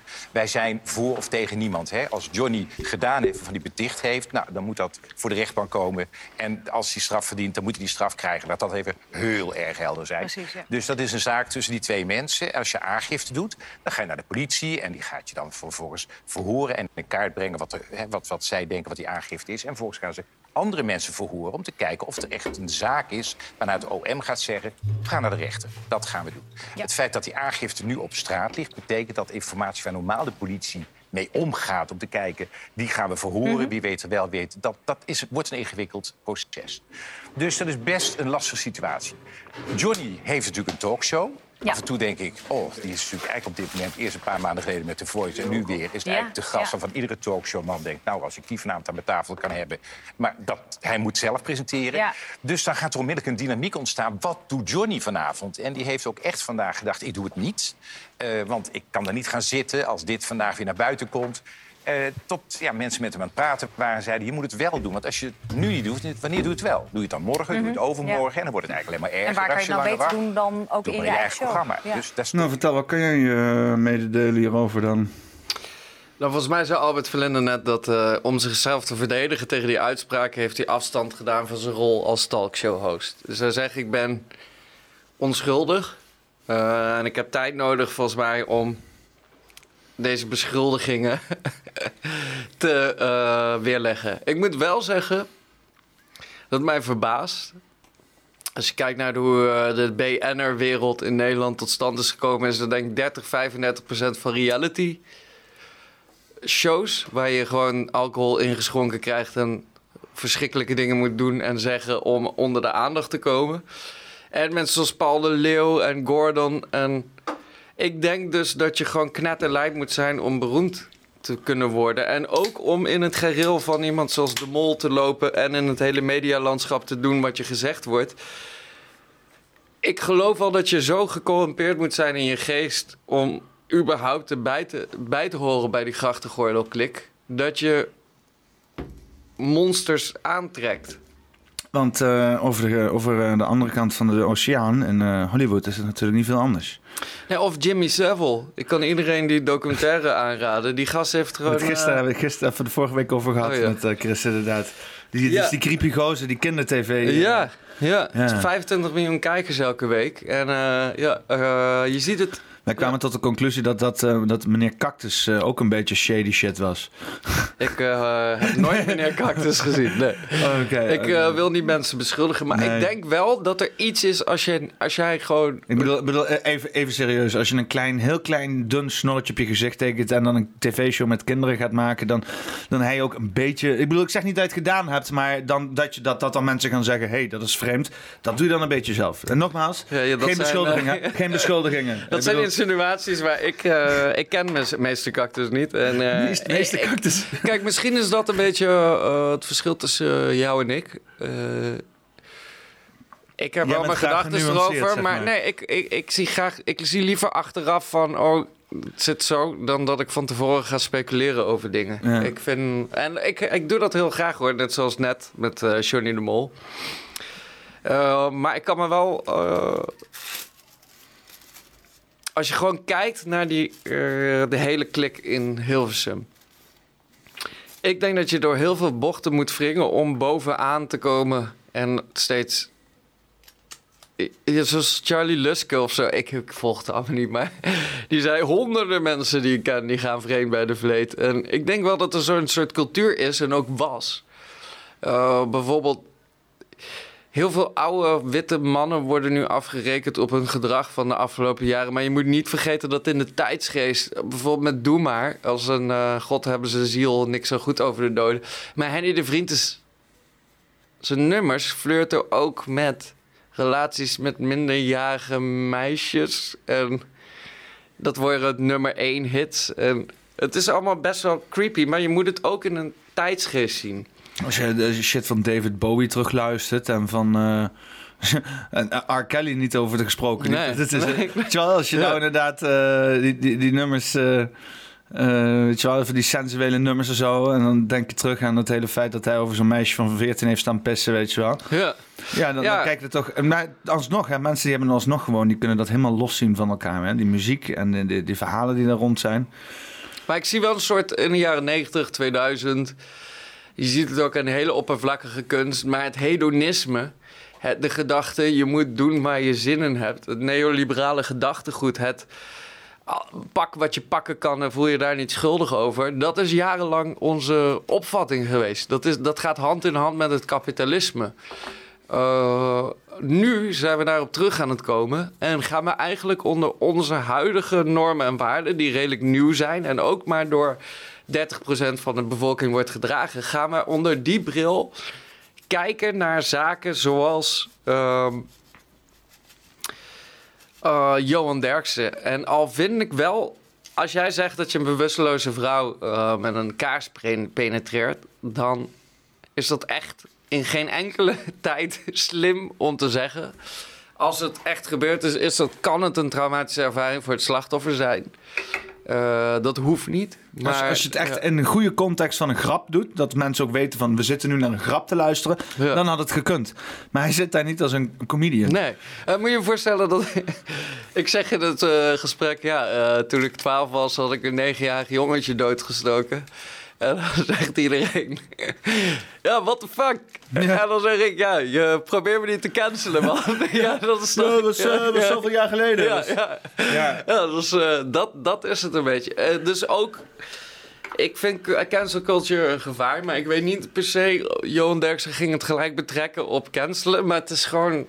Maar weet je, waar ik als eerst, weet je waar ik als eerste aan zat te denken? En dat is wat, eh, wat Dave Chappelle heeft gezegd over eh, Zuid-Afrika. Dat eh, die Nelson Mandela op een gegeven moment eh, mededeelde van... iedereen moet gewoon zijn schulden bekennen om het systeem te kunnen aanpakken. Als iedereen kleur bekent, als iedereen zegt wat ze hebben gedaan... dan kan je ook het systeem... Want als niemand fucking praat, dan kan je er ook niks aan veranderen. En dan blijft het maar zo'n zo'n etterend probleem. Dus ik dacht eigenlijk gelijk wel al zo van... Hey, eh, dit is misschien wel eh, een, manier van, van Johan Derksen, zoals hij zei, om dit bespreekbaar, om een bespreekbaar een probleem, wat is dus die hele hypocrisie en die mensen die ons moeten gaan vertellen om dus ons leven te verbeteren, terwijl juist die stuk van de maatschappij helemaal rot is wat dat betreft qua moraal. eh, eh, eh, eh, dat dat niet matcht. Hè? Want je ziet dus inderdaad al die, al die, al, die, eh, eh, al die, die nou, woke gebeuren, zeg maar. Dat een beetje soort van doe dit, doe dat. Of, of eh, ja, gewoon... Ik weet niet, het is ook net hoe je inleest hoor. Ik ben, eh, ik ben, ben eh, zelf ben ik nooit zo heel problematisch met die dingen. Maar ik, ik hoor wel als me dingen opgelegd worden. En dat is er altijd. Alleen nu draait het heel veel om diversiteit en ehm, duurzaamheid. En eh, eh, wat op zich geen probleem is als het ook daadwerkelijk op een effectieve manier gebeurde. Maar ik, in mijn idee werkt, werkt het alleen maar contra-productief, zeg maar. Maar ja, eh, dat ik dus wel inderdaad zoiets heb van... Hey, eh, eh, volgens mij doet hij wel hier iets aan, aankaarten. eh, wat misschien best wel. En dan, dan juist worden weer mensen helemaal naar beneden geslagen. Van nee, daar mag je niet over praten, weet je wel. Dan denk ik van ja, zo wordt ook nooit eens een keer dat probleem van misbruik op dat niveau ook een keer opgelost. Het is Maar ja, in- in met Willem Engel en met Sylvanus Simons. Er is een serieus probleem. En bijvoorbeeld net zoals bij de klimaatcrisis... er komt zo'n 15-jarig autistisch meisje, Greta Thunberg... En dan zegt iedereen, wat is dat voor een eh, kutwijf? En eh, wat denkt ze wel, dit is nog mijn kind. Dus mensen gaan met een probleem, kiezen ze een personificatie eruit... en dan vallen ze dat persoon op de persoon aan... zodat ze het niet over de inhoud kunnen hebben. Dus ehm, volgens mij wat Johan Derksen... Ik heb eigenlijk gelezen, maar niet gezien. Volgens mij wilde hij aanstippelen dat vroeger er een andere moraal heerste. En ging dat ondergesneeuwd in zijn anekdote. En wilde hij een goed punt aantikken. Maar het is makkelijker te hebben over de veranderende tijdgeest. Als een, mijn vader, die gaat luisteren, dus ik weet niet of hij blij is. Maar die heeft vijf jaar geleden of zo, zei hij tegen mij van... eh, er worden in de jaren zeventig was de serieuze gedachte... dat vrije liefde tussen kinderen en volwassenen zo moest zijn. Als in in de tijdsgeest, net zoals dat we nu woke hebben... was in de jaren zeventig... hadden ook eh, partijen zoals de voorlopers van GroenLinks... serieus dat pedofilie moest zijn toegestaan... als het kind zou toestemmen. Dat is een krankzinnige gedachte. Die roept extreme walging op. Alleen je kan mensen die in de jaren zeventig die mening hadden... niet veroordelen aan de hand van de morele zaken van nu. Er was toen een seksuele revolutie. Kwamen veel dingen zoals homoseksualiteit, biseksualiteit... maar ook de pil en vrouwenrechten naar voren. En dan gingen mensen dus openlijk zeggen van... waarom zou een 12-jarig kind niet met een 40-jarig mens kunnen zijn? Nu, voortschrijdend inzicht, is dat een belachelijke gedachte... omdat een kind die bagage en eh, begrip van deze verstandhoudingen niet kan inzien. Vreselijk achterhaald. Maar je kan niet zeggen, als jij in de, 70, in de jaren 70 pleit. Je kan niet zeggen, GroenLinks is een kutpartij, want in de jaren 70 pleiten ze voor pedofilie. Dat is veel te kort door de bocht. Dat probeerde Johan Derksen een beetje te zeggen, denk ik. En nu, nu leg ik hem woorden in de mond. Als in, denk dat mensen heel vergeten zijn dat het is gebeurd. En dat sommige mensen die dit horen erachter komen, deze verwijten precies gaan doen naar GroenLinks. Nou, ja, dat kan. pas maar Dat op, je lijst klaver. Nee, maar bijvoorbeeld, eh, wat je nu heel veel ziet is eh, het witte manbeeld, of het manbeeld, ligt zwaar onder vuur. En dan heb je 70-jarige mensen die daar moeilijk in mee kunnen komen. Maar zij zijn een hele leven verteld, wees een man. Als je wilde huilen over een, eh, een, een eh, gebroken huwelijk, ja, eh, verman jezelf. Het ligt al in alle woorden, toch? Dus mensen hebben tot hun zestigste geleerd dat ze moesten opkroppen. De, de, de Marlboro-reclame, een man met een spijkerjack, een cowboyhoed op, die zo... Ze zijn altijd zo geïndoctrineerd geweest. En nu is er een beweging die zegt dat is schadelijk voor de mensheid. Maar je kan Nu mensen is er niet... een beweging die zegt: wij weten het beter. Laten we het op deze manier gaan indoctrineren bij de mensen. Ja. Moeten we gewoon eens een keer ophouden met fucking elkaars bemoeien met ons leven de hele tijd? Nou, Hè, wa- wa- wa- wa- waarom hebben we allemaal dit drang om de hele tijd elkaar shit voor te schrijven? Leef je eigen leven goed. En als je iets te pakken hebt, dan wees een voorbeeld, weet je. Maar hou op met mensen te vertellen hoe ze dingen moeten doen. En ik moet eerlijk zeggen, ja. als er dus inderdaad mensen rondlopen lopen die eh, eh, eh, eh, allerlei eh, extreme eh, ideeën erop nahouden. Maar ja, je trekt met als maatschappij een grens ergens en dan heb je het er verder niet meer over, weet je wel. En dit hele idee dat dat, dat, dat, dat constant, nou ja, die grenzen moeten natuurlijk misschien ook wel weer verlegd worden en dat soort zaken. Dat is, dat is, het is ook wel heel erg complex. Maar ja, die grens die wordt nu bijvoorbeeld aan de kant van duurzaamheid alleen nog maar meer en meer geschoven naar verantwoordelijkheid naar het individu.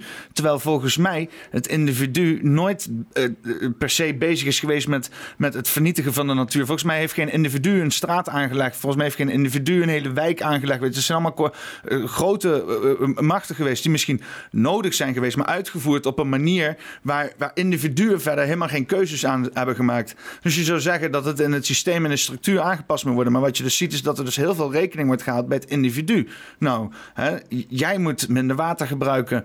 Eh, eh, eh, jij moet minder stroom gebruiken. Jij mag geen gas meer gebruiken. Jij mag. eh, ehm, eh, meer betalen voor je, je vlees, wat dat betreft, weet je wel. En eh, in plaats van dat er dan bijvoorbeeld wordt gekeken naar de echte grote issues, zoals bijvoorbeeld stookolie en gewoon vuilverbranding en kolencentrales. En dat er gewoon, als er echt CO2 het probleem is, gewoon CO2 shit. eh, eh, eh, bijvoorbeeld kerncentrales worden gebouwd die ook daadwerkelijk niks met CO2 hebben gebru- ge- gebruikt eh, te maken. Maar ja, dat is dan ook weer niet, hè? Want dan zeggen ze van nee, maar dan weer nucleaire. Het is, het is allemaal mensen die dan zo'n ideaalbeeld willen, die een soort van utopie willen bouwen, waar ze helemaal geen controle over hebben. En dat is een beetje waar ik het heb, waar die hele duurzaamheid. Want nu ook, je bent alles. Hier ook, hè, zijn, daar zijn ze een gigantisch bouwwerk aan het afbreken, de kolencentrale in Nijmegen. En aan deze kant zijn ze eh, eh, eindeloos tot aan fucking. eh, eh, eh, in de Liemers kan je gewoon eh, eh, ehm, eh, eh, fucking, eh, hoe heet die dingen nou, eh, windmolens zien. En is, nou ja, oké. ja, je ziet ze overal ook. Hè. Je ziet ze als je in Hussen rijdt, in Elst rijdt. En, eh, en je ziet diezelfde windmolens. Dingen zijn moeilijk hoog. Ehm afijn, hè? afijn. Ik, ik stoor me er niet enorm aan. Maar waar ik me wel aan stoor is dat die dingen waarschijnlijk 30, 40 jaar meegaan. En dan gaat het een hoop reparatiekosten ko- kosten. En dan liggen die dingen er om de havenklap uit. En dan vliegt er eentje, eentje eens een keer in de fik met een groot drama. En dan moeten die bladen ver- ver- eh, eh, begraven worden in de grond. Omdat die niet eh, afbreekbaar zijn en dat soort onzin. En dan, dus je zit nu ook weer met dit soort dingen waar eigenlijk iedereen op tegen is. Maar iedereen van is verkocht van dat het de ideale utopische oplossing is. Eh, eh, over 50 jaar ook weer met dezelfde problemen. Op dezelfde manier dat dus inderdaad tegen die mensen zijn gezegd van eh, die boomers zijn gezegd: je moet een man zijn. En dan dachten ze: oh, dan Ja. hebben we mooi allemaal mensen, allemaal mannen die de maatschappij konden dragen. En ah, toen hebben ze allemaal mannen gehad die kaarsen in vrouwen staken en zo. Weet je, het pakt altijd uit op een manier waar je helemaal geen controle Ja. over hebt. Die hele megalomane idee van vooral wereldleiders, maar ook sommige mensen op het internet, dat hun idee ook maar enige verandering zou brengen, is eigenlijk gewoon, het is, dat moet gewoon eens een keer gewoon ophouden zijn en dingen loslaten. Zeggen Nou, we laten het over aan willekeurigheid en dat soort zaken. Ik wil op allereerst zeggen dat ik het meer zie als een soort pendulum. Toch? Als in. eh, de antiracisme discussie raakt soms hysterische vormen aan. En belachelijke dingen. Net zoals bij MeToo of de Franse Revolutie. Dat in eerste instantie. Weer gaan we erop terug. Ook met kartelpolitiek bij Forum voor Democratie. De, de morele verontwaardiging is oprecht. Eh, oprecht. En vervolgens worden er allemaal voorstellen en richtingen gedaan. En roept dat weerstand op, waardoor het weer terug wordt getrokken. Maar je ziet nu wel van. De gedachte dat alle witte mensen slecht zijn, die slaat niet aan. Maar dat Zwarte Piet misschien een racistisch feest is, dat is on- wel ongeveer algemeen geaccepteerd. Dus aan de ene kant heb je een hele grote groep Dat mensen het, die dat het zeggen... als racistisch wordt ervaren. Ja, dat ik vind het... Eh, maar, Want de insteek is nooit racistisch geweest, toch? Jawel, Ja? maar ik denk onbewust. Maar wat ik wil zeggen is, aan de ene kant heb je dus conservatieven die op de rem trappen overal. En aan de andere kant heb je mensen die... Is, is- is ook een beetje argument. Weet nee, wel? maar joh, eh, laat ja, maar ik wou, jou, ik wou jou nooit beledigen. Ja, maar misschien onbewust. Ja, maar dat is wel zo. Als een, eh, dat heb ik. Ik heb bijvoorbeeld als je iemand met syndroom van Down eh, kent en je zegt het het Mongool, een Mongooltje. Dan op een gegeven moment kom je erachter. Of eh, ik had bijvoorbeeld een eh, vriend die uit de kast kwam, veel later. En ehm, maakt verder niks uit, maar hij heette iets van Bart. En we noemden hem altijd Batty, of Batty Boy. Maar hij, wij wisten niet dat hij homoseksueel was. En achteraf heb je iemand dus onbewust in de kast gehouden, doordat je in je taal en in hoe je je gedraagt en hoe je je opstelt, ervoor zorgt dat iemand niet. Dus En je kan wel ja. onbewust Ja, mensen ja, ik ook al eens naar mijn hoofd geslingerd Ja. gekregen, inderdaad. Ja. Ja, dus je kan wel. eh, ja. Ja, maar, ja, oké. En Maar dat betekent dan dat je dus dat, zeg je dus nooit meer tegen iemand Batty Boy?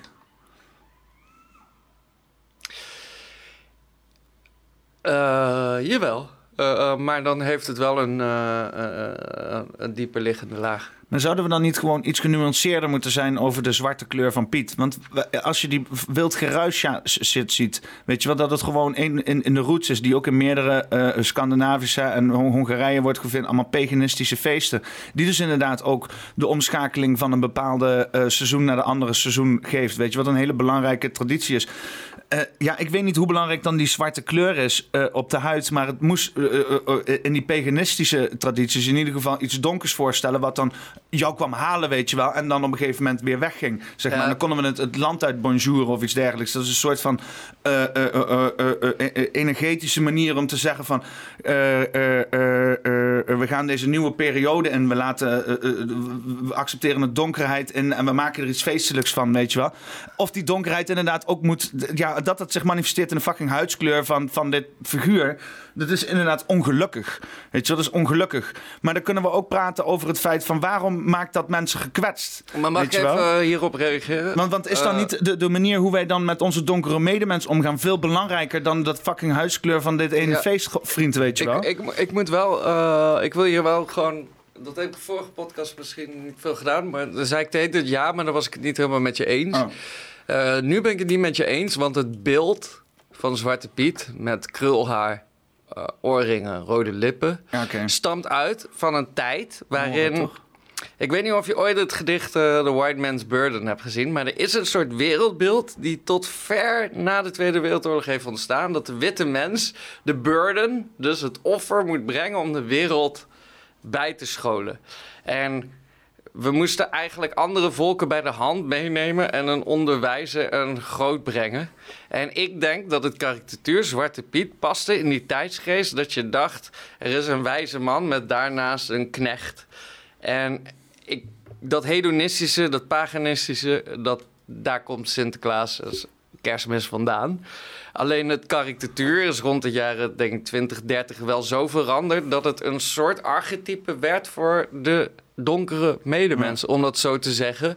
En dat bijvoorbeeld Gerda Haventog in de jaren 80 al zei op het kinderjournaal... ik ervaar dat als kwetsend. En ook mensen die ik ken, letterlijk eh, een artiest met wie ik ben geweest. Ik loop met haar over straat in juli. Mensen roepen naar haar eh, Sinterklaas kapoen, kapoentje, Zwarte Piet, wie de wie de wiet. Als in, het is heel vaak gebruikt als een stok mee te slaan. En de intentie... Je moet het zien in een tijdsgeest, net zoals bij Johan Derksen. Alleen ik denk wel dat we nu in deze samenleving wonen... en dat het ook bijvoorbeeld uitspraken als Zwarte Piet is niet racistisch en als je dat niet vindt, tief maar op naar je eigen land.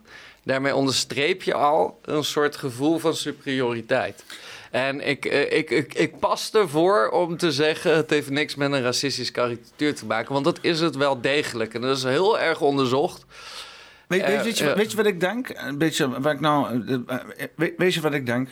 Ik vergelijk denk ik Zwarte Piet. eh, want, want hier in Nederland zijn we allemaal een beetje van die simpele boeren, weet je wel. Eh, als je hier eh, een pakje lasagne haalt eh, en er zit dan zo'n poedertje in. En dan gooi je dan een beetje water bij en pasta en dan heb je lasagne bolognese, weet je wel. Als je daarmee in Italië aankomt, dan eh bonjour je net zo hard het land Ja. weer uit als dat je erin bent Ja. gekomen. Eh, wij zijn hier een soort van, ja, toch wel een beetje gewoon, ja, gewoon simpel. Hè? We- we- stampot, eh, we gooien, we kletsen wat bij elkaar. Tradities is mm, secundair. Als het een beetje makkelijk is, dan is het goed. Hè? Dat is grotendeels van ons land. Ik denk, ik weet dat jij dat niet bent. Nee, jij, jij nee, bent maar heel verfijnd en zo. Daar maar- ben ik het ook niet mee eens. Nee, maar, maar, maar, nee, maar heel even. Je ziet het wel een beetje in onze cultuur. Hè? Eh, eh, eh, eh, eh, eh, veel, veel pakjes, veel dingen versimpeld. Weet je wel. Ook al dingen die we allemaal halen uit het buitenland. ook ook onze bijvoorbeeld Chinees. Hè, eh, Chinees is geen oprecht Chinees. Het is rijst met dopertjes en worteltjes. En dat noemen we dan nasi, weet je wel. Het is allemaal een soort van slap aftreksel van iets wat ooit ergens traditioneel was. En dan maken we het hier Hollands. Dat doen we. Ik zeg niet dat iedereen daar iets van moet. Want we hebben er ook kritiek op dat we het doen. Maar we Ja. doen het. Want daar is vraag naar hier in Nederland. Hè, gewoon een versimpelde versie van iets supercultureels of iets dergelijks. En ik denk wat er misschien met Zwarte Piet is gebeurd. Dat wat we altijd doen. Dat we dus inderdaad zo'n paganistisch ritueel hebben in Europa. Wat heel veel mensen hebben ervaren. En die hebben dat meegenomen. Die hebben het erover. En dat we een soort van versimpelde, stomme versie op basis van simpele eh, geschiedenis. Beetje moren hier, beetje slavernij daar. Nog in een tijd in elkaar geflatst dat het toch niet zo controversieel was. En voilà, Sinterklaas. Ja. En wat ik dus denk is dat die, die, die want dat is een beetje wat dus dat argument is van die goos van wild geraas. De zwarte kleur, want je hebt gelijk, inderdaad. En het is ook die optelsom. En het is ook vooral die optelsom. Ik heb altijd Zwarte Piet al wel een beetje apart van de krullen en de hoed en de rode lippen en de zwarte huid. Dat ik denk, oké, dit is wel heel erg refererend naar dat standaard karikatuur van de zwarte man, weet je wel. Die je dan altijd had in de jaren zeventig en zo. Ehm, maar eh, eh, we zijn dus elk, elk facet zijn, zijn, zijn weg gaan halen. En dan niet de kleur, zeg maar. Op een of andere manier houden we vast aan die kleur. Maar we zouden eigenlijk gewoon Zwarte Piet helemaal moeten reconstrueren. Gewoon weer vanuit een... Want wat, wat er nu ontstaat is een soort van nog... heel veel dingen. Ja, Dus klopt. Mag ik even, ja, eh, ja, even naar je dan- conclusie? maar, ja, nee, ja, ja, we zouden dus, want wat er nu gebeurt met we halen dan de huidskleur weg, dan is het helemaal een goedkope versie van wat het al was, een goedkope versie. Je zou helemaal terug moeten gaan naar wat de essentiële kern spiritueel was van Zwarte Piet in dat hele paganistische ritueel. En vanuit daar weer iets opbouwen wat, naar wat hedendaags is. En, en, daar dan inderdaad, eh, eh, ja, wat we toen dus dan eigenlijk fout hebben gedaan, niet zozeer nu, maar Ja. toen, eh, dat proberen op een meer genuanceerde manier maar, op te maar- bouwen. maar of dat, is nu toch, dat gebeurt nu toch met zo'n grijze Piet. Maar eh, om even eerst te reageren op je uitspraak. De Nederlander is simpel. Eh, 100% mee oneens. Nederland is ontstaan in een strijd om geloofsvrijheid. We hebben onze identiteit eraan te danken dat wij eh, naast katholieken ook Calvinisten wilden. Maar eh, naast Calvinisten heb je Lutherianen, protestanten. Dus ons bestaansrecht en ook het hele tolerantieprincipe. Nederland is een land dat ontzettend veel verschillende individuen en groepen herbergt en tolereert. Dus niet assimileert of accepteert, maar te zeggen: jij mag bestaan, maar we willen niks met je te maken te hebben. En wij mogen onze eigen shit doen. Daar is ons land over, over bestaan. Als in. eh, de protestanten katholieken mochten niks met elkaar hebben, maar ze konden wel naast elkaar. Dus die verzuiling en het tolereren, dus ook hier in Nederland, de Syriërs en de Turken en Marokkanen worden tot zekere eh, hoogte geholpen met integreren. Maar vooral vinden we het heel prettig als ze een eigen zeil blijven. Want dat is Nederland. Ook Erasmus. Nee, maar wacht, laat me even uitpraten. Want jij had net een eh, rent van eh, drie minuten. Hetzelfde, jij zegt net Chinees is niet eh, Chinees. Wij voegen onze eigen dingen toe. Maar de Chinezen die hier zijn gekomen, zijn Chinezen in Indonesië geweest die voor zeelui kookten. Die zijn terug meegekomen met de knil naar Nederland. Als Nederlanders ergens naartoe gaan, Engeland, Portugal, die, die overheersten de groepen, de landen. En dwongen ze de taal, de Bijbel te leren. Nederlanders boeiden geen fuck. Die gingen naar een land en die pakten eruit wat zij van toepassing. Bijvoorbeeld Chinees, Indonesisch eten. Wel met vormen van geweld, maar over het algemeen was het zelfbestuur, religie. Indonesië is nu islamitisch doordat Nederlanders gewoon hadden... joh, jij mag doen wat je wilt. Eh, in Japan mochten ze handel doen omdat Nederlanders waren nooit geïnteresseerd... om te zeggen, jij moet christelijk worden. Dat zie je nu ook eh, heel erg terug. Dus eh, Nederlander is heel complex. En gaat met heel veel nuances, maar is vooral een soort garandering dat je, garantie dat je jezelf mag zijn, maar je staat er wel alleen voor. Dat wilde ik even zeggen op. Ik vind de Nederlanders niet simpel. En juist die, die in elkaar geflanste wereldkeuken is doordat de Nederland ergens komt en zegt: Dit haal ik eruit wat voor mij voor toepassing is, en de rest kan de tering krijgen. En hoe verklaar je Heineken dan? Eh, eh, kan je de context van die vraag uitleggen? Nou, dat is gem- gem- gemiddeld matig bier. Dat is een beetje zeg maar wat ik bedoel, weet je wel. Zo van dat, het, dat in Nederland zeg maar goed en, gemiddelde dingen maken. Voor iedereen, weet je wel. Ja, maar ik denk dus dat de Nederlander zelf Alfa, eh Grols, Hertog Jan drinkt. Maar ik ken weinig mensen die voor hun plezier Heineken drinken, dat zijn de Amerikanen. Dus het is best wel een Nederlandse koopmansgeest. Ma- maat van mij die dat drinkt je een Heineken. product maakt. Ja. Maat van die drinkt, eh, die weet zelfs alles van de satanische kant van Heineken af. Die was ook antivax en Heineken toen met die reclame dat, weet je wel. En oh man, en nog steeds zweert hij bij Heineken. Hij kan er niet van afkomen. Dus hij is echt een diep geworteld Heineken fan. Ja. ja, maar het klinkt niet als een simpele gast. Hij is gewoon 's werelds meest gemiddelde Nederlander. maar dat was even een subcontext van je, je bredere... eh, wat was je bredere verhaal eigenlijk? Want ik wilde eerst even... Ja, nou ja, dat Zwarte Piet dus inderdaad zo'n inderdaad bij elkaar geraapt zooitje van meuk is. Wat dus inderdaad in huidendaagse context als diep racistisch overkomt. Nooit zo de intentie is geweest. En dat het een beetje, dat, dat, dat zeg maar, dat, het- dat het is. En dat dus die mensen die zo gekwetst zijn, dat het aan alle kanten, omdat het en diep racistisch is en het is nooit zo bedoeld.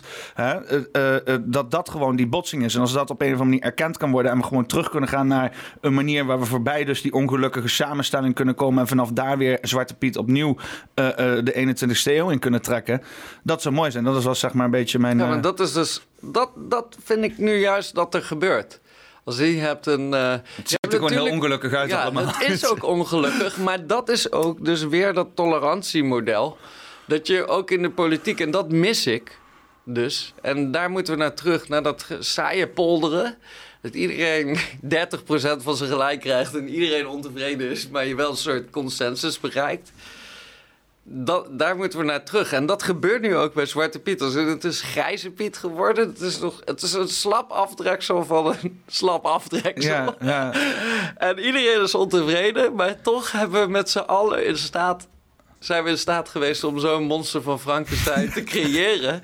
Dat toch de komende tien jaar min of meer doorgaat. En dan heb je in Volendam en Edam nog een paar zwarte Nee, maar het- pieten. en het- dan heb je in wel- Amsterdam... eh, Het getuigt wel van de heel veel angst die mensen hebben voor heel veel van die woke shit. Dat ze denken, gaat alles nou een slap aftreksel van een slap aftreksel worden? Kunnen we nergens meer gewoon oprecht weer gewoon eens een beetje ordinair onszelf zijn, weet je wel? Ja, maar die, die, die angst, die delen gek genoeg eh, woke mensen heel vaak. Ja, Maar- want maar- jij maar praatte kijk, net ook, is jij praatte net ook over angst, hè? Over dus Ja. inderdaad angst over uitspreken, omdat je ook en dingen verwijderen, omdat je angstig bent dat over Ja, tien jaar eh, ja. de, de man met, eh, met, met de, de hamer komt. Ik weet dat is Ja. niet een goede context, maar misschien. Eh, want ik, ik deel die angst dus gewoon niet. Ik, ik heb ook die angst helemaal losgelaten, want ik heb daar zeker over nagedacht. En ik heb daarmee gerationaliseerd. En ik heb zoiets van, fuck it, ik laat het los. Ik ga me gewoon in mijn puurste vorm uitspreken. Ik geloof erin dat ik een goed mens ben. En eh, eh, eh, dat brengt mij dus inderdaad op plekken, ook met gedachten, waar je anders niet zou komen, omdat je anders oogkleppen op hebt en dan maar zo'n tunnel inwandelt, die op een gegeven moment ook geïnvesteerd wordt, waarbij je niet meer durft af te dwalen uit het licht, omdat ja, je bent al die tijd ben alleen nog maar in dat ene pad aan het wandelen. Dat is een beetje, ja, waar ik een probleem heb met ook vooral nu wat er aan links heel veel gaande is, dat het allemaal zo afgekaderd is, heel veel angst, heel veel, want ik, en ik snap het ook wel, want de, de progressie gaat hard, weet je wel, we gaan zo hard vooruit met z'n allen. En dan heb je mensen die daar vooraan, die willen dat allemaal, eh, eh, eh, willen vooraan aan de konvooi lopen. Maar de, de weg wordt wel heel hobbelig allemaal. En ze, ze Ja. zweten zich peentjes. Ja, is- en daardoor krijg je polarisatie. En dus mijn oplossing is. En dat is niet politiek per per se correct, maar we, we moeten een nieuw model vinden. Namelijk het model van een open wereld. Een open samenleving. Als in, wij hebben nu, als je kijkt naar ware inclusie, wil je dus en de vorm voor democratie en de moslim, de religie- streng religieuze moslim, en eh, de transpersonen. eh, en eh, lesbiennes, rechtse homoseksuelen. En mensen die zich niet Ja, willen vaccineren. Om- Antivaxers, vaxers wil je eigenlijk includeren in een soort narratief. En dan moet je misschien wel nadenken of je jezelf in je puurste vorm moet zijn. Je kan het. Maar dus er is een vraag van hoe gaan wij als open samenleving, als multiculturele samenleving verder? Daar staan we nu. Dat is de grote vraag van deze tijd.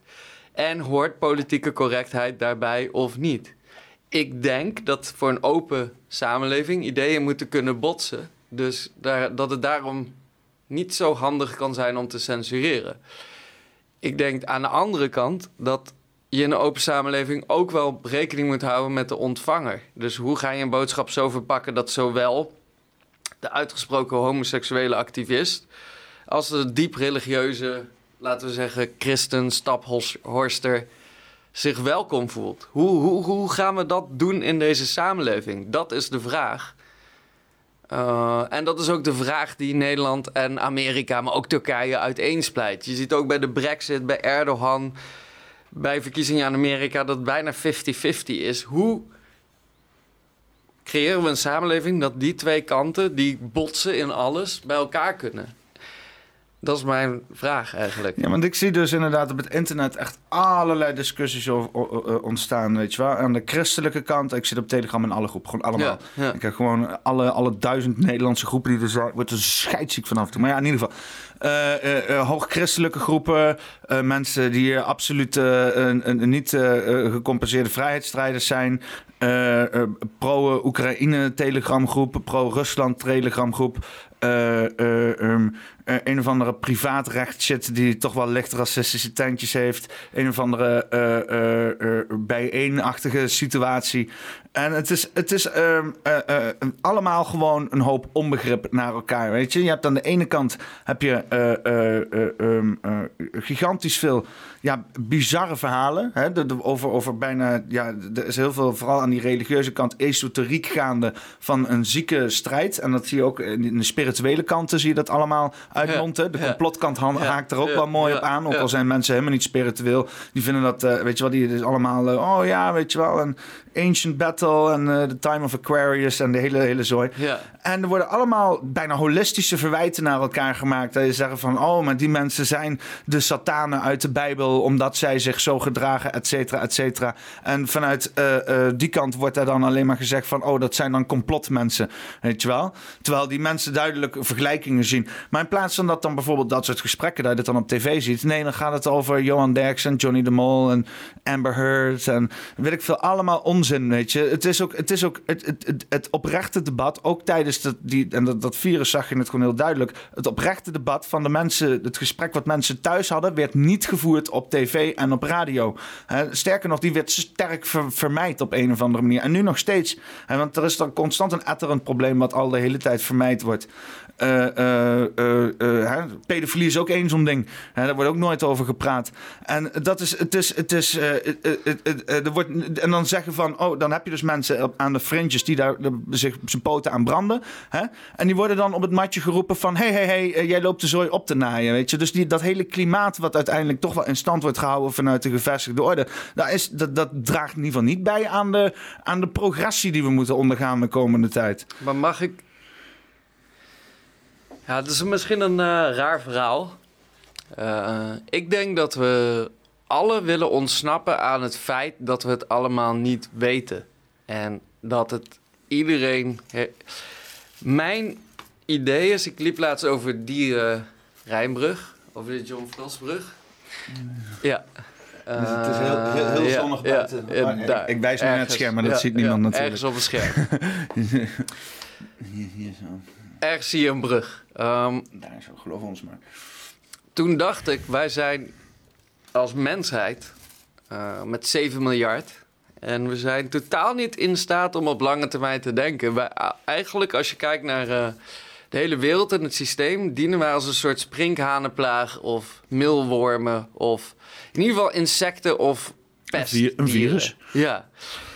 En eigenlijk zijn we allemaal een soort extreem consumerende, gemakkelijke beesten die gewoon schijten, slapen en in slaap vallen. En om aan het angstaanjagende idee te ontsnappen dat we een soort bak met kakkerlakken of met sprinkhanen of met plaagdieren zijn, geef onszelf allemaal identiteit en meningen die allemaal er eigenlijk niet toe doen. Maar de gedachte dus dat we met z'n allen een soort onderdeel zijn van een systeem dat zichzelf niet kan helpen en de hele wereld naar de tering helpt. Om die te ontsnappen zijn we allemaal moslim, jood, man, vrouw, trans. En dan hebben we allemaal hele discussies. Podcaster. Ja, nee, maar dat is gewoon, ja, ja. Het is gewoon, ik denk dat iedereen ook gewoon aan het snappen is aan het idee dat we gewoon een bak met plaagdieren zijn. En dat we daarom heel veel belang hechten aan de verschillen en de nuances. En we ook helemaal doordenken over. Dat is ook mijn bezwaar tegen complot theorieën, als je hmm. de macht kent, die zijn helemaal niet bij machten. Om een Mensen zijn zo, hebben zoveel tekortkomen. Ik denk dat dat Dat, dat daarom verschillen zo groot worden gemaakt. Om de angstaanjagende gedachte dat er gewoon 7 miljard allemaal dezelfde soortachtige vraatdieren zijn.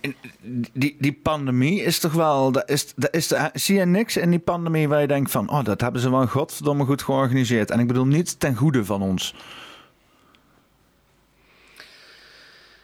Eh, ik zie vooral primaire reacties als in... st- Als je nu kijkt naar China, dat die voor een aanpak kiezen en dan alle plinten en deuren en dichtmetselen. Ja, wat China aan het doen is, dat moet, is, Nee, is inderdaad lastig. Nee, eh. precies. Eh, als je kijkt naar de primaire reactie van Boris Johnson of Mark Rutte of, of in Amerika zo. Dat hele cabaret, dan denk ik, we zijn niet eens in staat om zo'n masterplan... Nee, nee, nee, nee, al die mensen inderdaad, dat heb je gelijk in. Maar de primaire reactie van de farmaceutische industrie? Ja, die is geënt op winst. En dat is, komt weer bij Ja, die dat was feilloos. zijn. Die was feilloos. Meteen eh, inspelen op het enige product wat hoogste windmarge heeft. v- samenbannen. eh, elke landen uitbuiten voor wat ze waard zijn met contracten. Nul verantwoordelijkheid afsluiten. Meteen die vaccins pompen. Alle politici gek maken om zoveel mogelijk van die kutvaccins Ja, te verkopen. ja. Dit is, het, is toch, het is toch niet gek dat mensen zoiets hebben van... joh, wat de fuck zit hierachter? Wat gebeurt er nou? maar dat is in mijn ogen net zo knap als dat piranha's met 50 een koe die in het water valt in één minuut kunnen verorberen. Of een sprinkhanenplaag weer die een, een, een, een, een, een graanveld in twee seconden leeg kunnen halen. Eh, er zijn talloze voorbeelden van ja, die vraatzucht, die neiging naar winst, onbelemmerde winst zonder oog voor de gevolgen ervan. Die zie je weer alleen terug bij plaagdieren. Dat is heel knap. Maar of dat instinct is of helemaal doordacht, of gewoon een, net zoals dat Napoleon of Hitler kunnen bovenstromen in zo'n, of Willem Engel of Sylvana Simons.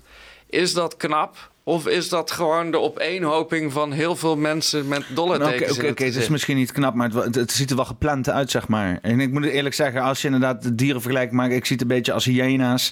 En die hebben al een tijdje de, eh, de boel gevolgd. Hè. Sinds Ja. 2019 hebben ze al een beetje alle politici een beetje in de nek lopen hijgen en zo. En eh whatever the fuck, wie dan ook wat heeft Ja. gedaan. Want ik, ik, maar ja, in ieder geval.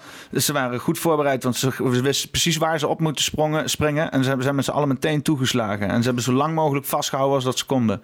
Ja, ik zeg niet, op mijn eh, peace of mind, mijn eh, vrede in mijn hoofd, is dat ik hetzelfde naar dat kijk, wat gebeurt, als naar, je hebt toch heel mooi uitzicht, je hebt hier van die eh vlogs of uh, murmuratie heet dat, van duizenden merels die dan samen als Ja, een ja, soort... ja, oh, dat zie je mooi Ja, ja. ja. Ja. Eh, ik kijk hetzelfde naar wat er gebeurt met de pandemie als dat ik naar een, een, een, een vlucht ganzen zou kijken. Als een, ik snap niet hoe ze in een V-vorm blijven. Ik snap niet hoe dit gebeurt. Maar mijn vrede voor mijn geest, om niet gek te worden, is door me erover te verwonderen. Eh, door ja, als achteraf mij wordt verteld hoe dat heeft kunnen plaatsvinden. Maar voor mij is dat niet relevant. Omdat Nee, ik een van die het- 7 miljard wormen ben. ik, eh, Het, was toen, het was toen ook inderdaad eh, in principe Klaus Schwab die dan dat zei. Hè, die, die, die, die, die tekst uitsprak. De Great Reset, Build Back Better, eh, de SDG's, Make a, a- Good Thing of a Crisis. En nou, toen kwam op een gegeven moment Biden en Bolsonaro en eh, eh, die, die, die chick van Nieuw-Zeeland en Australië, die kwamen en Canada en zo, die kwamen, Justin Trudeau, die kwamen inderdaad met diezelfde tekst en zo. Nou, en toen kwamen inderdaad eh, Rutte en Merkel en, eh, en, en, en hier in Europa Ja, en zo. ja. Kwam de hele bende erachteraan. Toen zag je hier ook in de media op een gegeven moment al die mensen ook gewoon netjes aansluiten. Ja, ze sluiten, sluiten gewoon allemaal netjes aan bij dat ene retoriek, wat dan op een gegeven moment gewoon uitgevoerd wordt. En dat kan, het kan zijn, ik wil best geloven dat, dat dan die mensen denken van, oh, wat mooi, wat een goed idee, dat gaan we doen met z'n allen. Hè? En dat ze zelf niet doorhebben dat ze gewoon in, in, een soort van, van web vastzitten waar ze, waar ze, waar, waar ze, waar- wat ze gewoon opgedrongen wordt. Maar ik, ik, ik, snap, ik, ik, bedoel, ik bedoel, kom op zeg. Ik bedoel, het is 2020. In de jaren 90 waren al de raarste complotten van, van, van wereldordes en, en, en Illuminati en shit. Als je dan 30 jaar later nog steeds onwetend bent voor zulke structuren. En dat je daar dan ja, toch wel gewillig aan meewerkt. Dan ben ik toch wel gerechtigd om te zeggen: Motherfucker, fucking surrogaat daar de rondloop voor de fucking wereldorde. Dat is toch het minste wat ik dan op zijn minst kan uiten, denk ik. Maar eh, mag ik mij... Hier gaan eh, veel luisteraars, als ze al luisteren... eh, weet niet of het boeiend is. maar een driedubbele hartaanval van krijgen. En misschien jij ook wel. Oh, nou, dan ben ik. dan Ik eh, kijk naar die Big Reset en ik kijk naar die Build Back, Back, Back, Back, Build Back Better. En ik kijk naar die Klaus Schwab en ik begrijp het allemaal wel. En dan moet ik heel veel, heb ik de tijd nodig om dat uit te leggen. Allereerst snap ik, net zoals Bilderberg-conferenties en World Economic Fo- eh, Forum, dat je met heel veel bedrijven en heel veel mensen die met invloed zitten samen moeten zijn om een lijn uit te Het is zetten. onvermijdelijk in Ja. zekere zin. Ehm, als je kijkt naar puur gegevens en kijkt naar de staat van de aarde, de overbevolking, de overbevissing, de overhoutkap, is er een drastische wijziging in menselijk gedrag nodig. Vind ik. Of denk ik. Omdat we zelf anders het eind van de eeuw wellicht niet kunnen halen. Nu snap ik ook dat je daar anders in staat. Maar er zijn bijvoorbeeld, Klaus Schwab heeft dat klasje voor presidenten, waar ook eh, Macron, ook eh, Sigrid Kaag, eh, laten we zeggen, alle democratische centrum links, centrum rechts, neoliberalen, die gaan in diezelfde klasjes en die krijgen dan Build Back Better en dan zie je dat overal terug. Ja. Ik begrijp dat iemand die eh, de geldstroming internationaal beheert, een klasje heeft voor presidentskandidaten. Begrijp ik. Ik snap de Big Reset ook wel, omdat als je kijkt naar de gegevens die voorhanden zijn en waar je dan maar in moet geloven of niet, dan is het heel slecht ge- gesteld met de aarde. Wat ik wel zelf zie, is dat Nederland dus te kampen heeft met droogte, dat de zomer steeds heter worden, dat er geen Elfstedentocht is. Dus zelf zie ik die veranderingen ook. Eh, bijvoorbeeld die uitspraak is... eh, in 2013 you will owe nothing and be happy. Daar kan ik volledig begrijpen. Als in het is van de zotte dat we met z'n allen één auto hebben. Ik geloof dus dat wij naar een deeleconomie gaan. Sterker nog, dat is al zo. Want je hebt, je hebt het grootste restaurant ter wereld heeft geen restaurant thuisbezorgd. Het grootste mediaplatform heeft geen eigen content, Facebook. Het grootste informatieplatform Google heeft creëert geen eigen eh, eh, content. Eh, huizen met Airbnb zijn al in een deelfase. Dus waar we nu naartoe gaan. Half Amsterdam is al Airbnb. Exact. Dus de uitspraak in 2030, you will own nothing and be happy, is een realistische uitspraak die ik ook echt zie gebeuren. En is het zo erg? Moeten, moeten we met 8 miljard mensen dat iedereen persoonlijk. eh, Als we Nee. met 8 miljard mensen allemaal met de auto gaan, allemaal een huis hebben met een vriezer en een koelkast en alles, dan gaat de wereld. Ik, ik, heb, ik heb niks met, eh, met grote hoeveelheden eigendom, weet je wel. Dus eh, ik- voor mij, eh, dit heeft ook verder geen implicatie Nee. op mij, heel veel. Alleen waar ik, wel, waar ik er wel een hekel aan heb, is iemand die mij vertelt wat de fuck ik moet doen. En eh, you will own nothing and be happy, dat Ja. klinkt alsof ik geen fucking keuze daarin Ja, heb. ja. En daarom is het zo'n kut uitspraak. Ja, weet ik. Weet je als Eh, erachter stond, will own, eh, you will own nothing and you will be happy, but it's your own choice, dan was het even een hele andere koek geweest. Maar, en ik snap dat het marketing is en NLP en om mensen te activeren, omdat ze bang zijn dat er anders niks gebeurt. Maar ja, om dat even erin te gooien voordat we een pandemie inrollen, ik weet niet, ik vind het heel erg hard onverantwoordelijk van het World Economic Forum. Ja, ja, zeker. Dat is het ook. En wat je nu ook ziet is dat eh, de macht zo losgezongen is van de werkelijkheid... dat ze niet het idee hebben dat zo'n boodschap bedoeld voor wereldleiders... en eh, de elite en diplomaten... Maar ze weten, iedereen internet had toch. Ze hebben, snappen ze echt niet dat alles instant een meme wordt? Nee, want eh, als je bijvoorbeeld al alleen maar kijkt naar Wassenaar... Je hebt wel eens Foxpop van die interviewtjes daar... en die mensen zijn zo losgezongen van de werkelijkheid... omdat die geen... geen die wonen niet in een volkswijk. Die, die spreken die mensen niet. Als jij eh, met de hoge snelheidslijn tussen Brussel en Frankfurt gaat... en je, je zit in een privéjet en je, je, je diners zijn met Al Gore en de hele... Dan, dan kom je geen normale mensen Kunnen we tegen. die mensen naar de poppenkast laten kijken op een of andere manier? Kunnen we stickers plakken daar in die wijken? Weet je, ik, daar- daarom, zit ik wel te, daarom ben ik enthousiast voor augmented reality. Dan gaan we dus met z'n allen gaan we een brilletje opdragen. En dan gebruiken we QR-codes, waar we nu zo fan van zijn met z'n allen. Gebruiken we om dat brilletje te activeren. Dus dan plak ik een QR-code in mijn winkel op. Of ik verf een QR-code op mijn gebouw ergens. Dan als je brilletje die detecteert, dan zie jij daar uit dat gebouw iets komen of zo. Weet je wel. Ja. Dus dan lopen er allemaal van die mensen met zo'n bril op. En dan kan ik in die wijk zo'n QR-code plakken. En dan in één keer zie mijn hoofd oppoppen. Zo, weet je wel. Real facts vertellen bij die mensen uit de maatschappij. Dus dat soort shit. Ik, ik, ik, ik, kijk ook niet zozeer die hele vierde industriële revolutie als een ramp. Weet je wel. Ik ben ervoor opgeleid. Ik, ik zie daar heel veel kansen in en hoopvolle dingen en zo. Alleen waar ik eh, wel voor vrees en waar het, ah, elke keer, waar het nu nog harder op lijkt te gaan, is dat hele totalitarisme. Weet je wel. Waar dus inderdaad de overheid gewoon zoveel van jou weet en jij niks van de overheid. Dat die verhoudingen gewoon helemaal uit balans zijn. Nou, allereerst denk ik dat bedrijven. We gaan toen naar een wereld. Als je kijkt naar 1984, is het. dat de overheid juist. Het is eigenlijk tegenovergesteld. Ten eerste hebben we niet in China een overheid die dat controleert, maar zijn bedrijven machtiger geworden dan landen. Dat vind ik een slechte organisatie. Maar ik denk dat een, eh, een, een provider van KPN meer over je weet dan de AIVD. Sterker nog, dat weet ik zeker. Want zij, eh, je, eh, ik weet niet hoe dat werkt met routers en zo, maar als jij op wifi zit, krijg zeker een zin. Degene die dat verkoopt, die ziet al je porno, al je. eh, dus bedrijven hebben al meer macht dan overheden. Ik denk dat het. Als het ik- goed is, eh, is je shit encrypted en kunnen ze dat niet zien? Nee.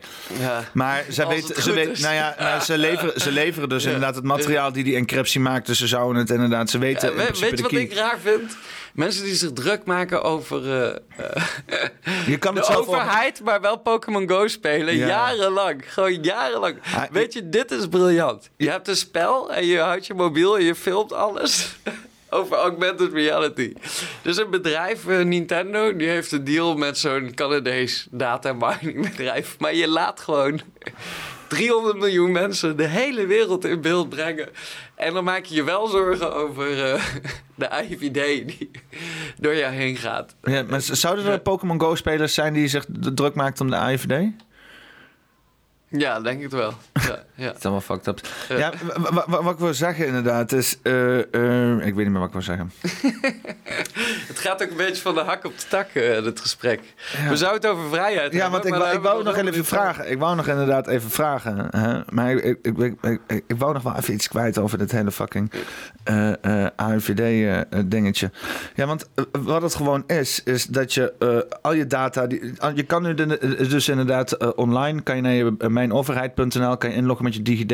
en dan kan je onderaan bij je datadeling... kan je zien wie dus welke instanties eh, eh, je hebben gedeeld. Ik ging meteen Ja. kijken. Ik denk even kijken of de NCTV er al tussen staat.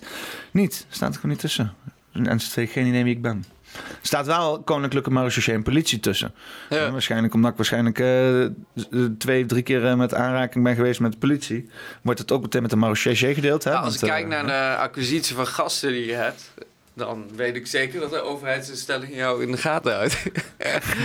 Nou ja, ik had in ieder geval verwacht dat er wel even een AVD. NCT Want ze zeggen dat, ze vermeld zou, dat het vermeld zou moeten zijn. Maar ja, afijn. Eh, ik weet het allemaal niet hoor. Voor mij hoeft het allemaal niet. eh.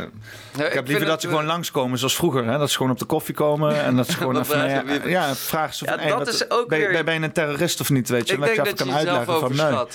Ik denk dat je jezelf overschat. En dat iedereen zichzelf overschat. Ja, ik hoor heel veel mensen in de groepen die ik zit, iedereen die denkt dat de NCTV achter zich aan Ja, zit. ja, dat- maar wat, vind je, wat, wat vind je ervan? Want inderdaad, in het kader van vrijheid, met inderdaad die WOP-verzoeken die eruit zijn gekomen, waarbij dus inderdaad politici eh, in de gaten werden gehouden door inlichtingendiensten hier, door de antiterroristenbestrijding, de NCTV, eh, eh, wat betreft uitspraken op social media en dergelijke. Wat vind je daarvan? Poeh, ja, ik. Je had het net over eh, de moslims, maar ik vind het opvallend dat eh, als jij als moslim naar radicale moskeeën gaat en je fantaseert over gerechtigheid voor tegen de Amerikaanse bloedhonden, dat er dan een inval van de AIVD komt. Maar dat bepaalde groepen zoals Erkenbrand of weet ik veel wat, wel openlijk kunnen eh, fantaseren over het neerleggen van staatshoofden. Ik vind juist heel, heel erg dat eh, de extreem rechts spirituele hoek best wel een vrijbrief krijgt. Want als je kijkt hoe bijvoorbeeld extreem linkse splinterpartijen in de jaren 90 en 2000 kapot zijn gemaakt door de veiligheidsdienst. Als in de zin een PSP zaten op een gegeven moment meer spionnen dan eh rode rakkers.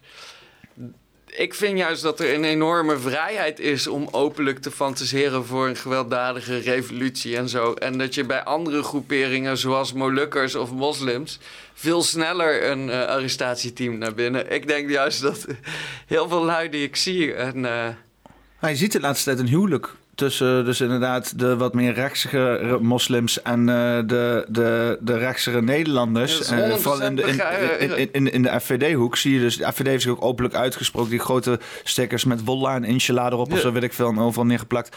Eh, waarbij dus inderdaad die twee, twee mensen bij elkaar gaan, zeggen, zijn, gaan zitten. Zeggen ze van, hé, hey, laten we ons samen uitspreken tegen de overheid.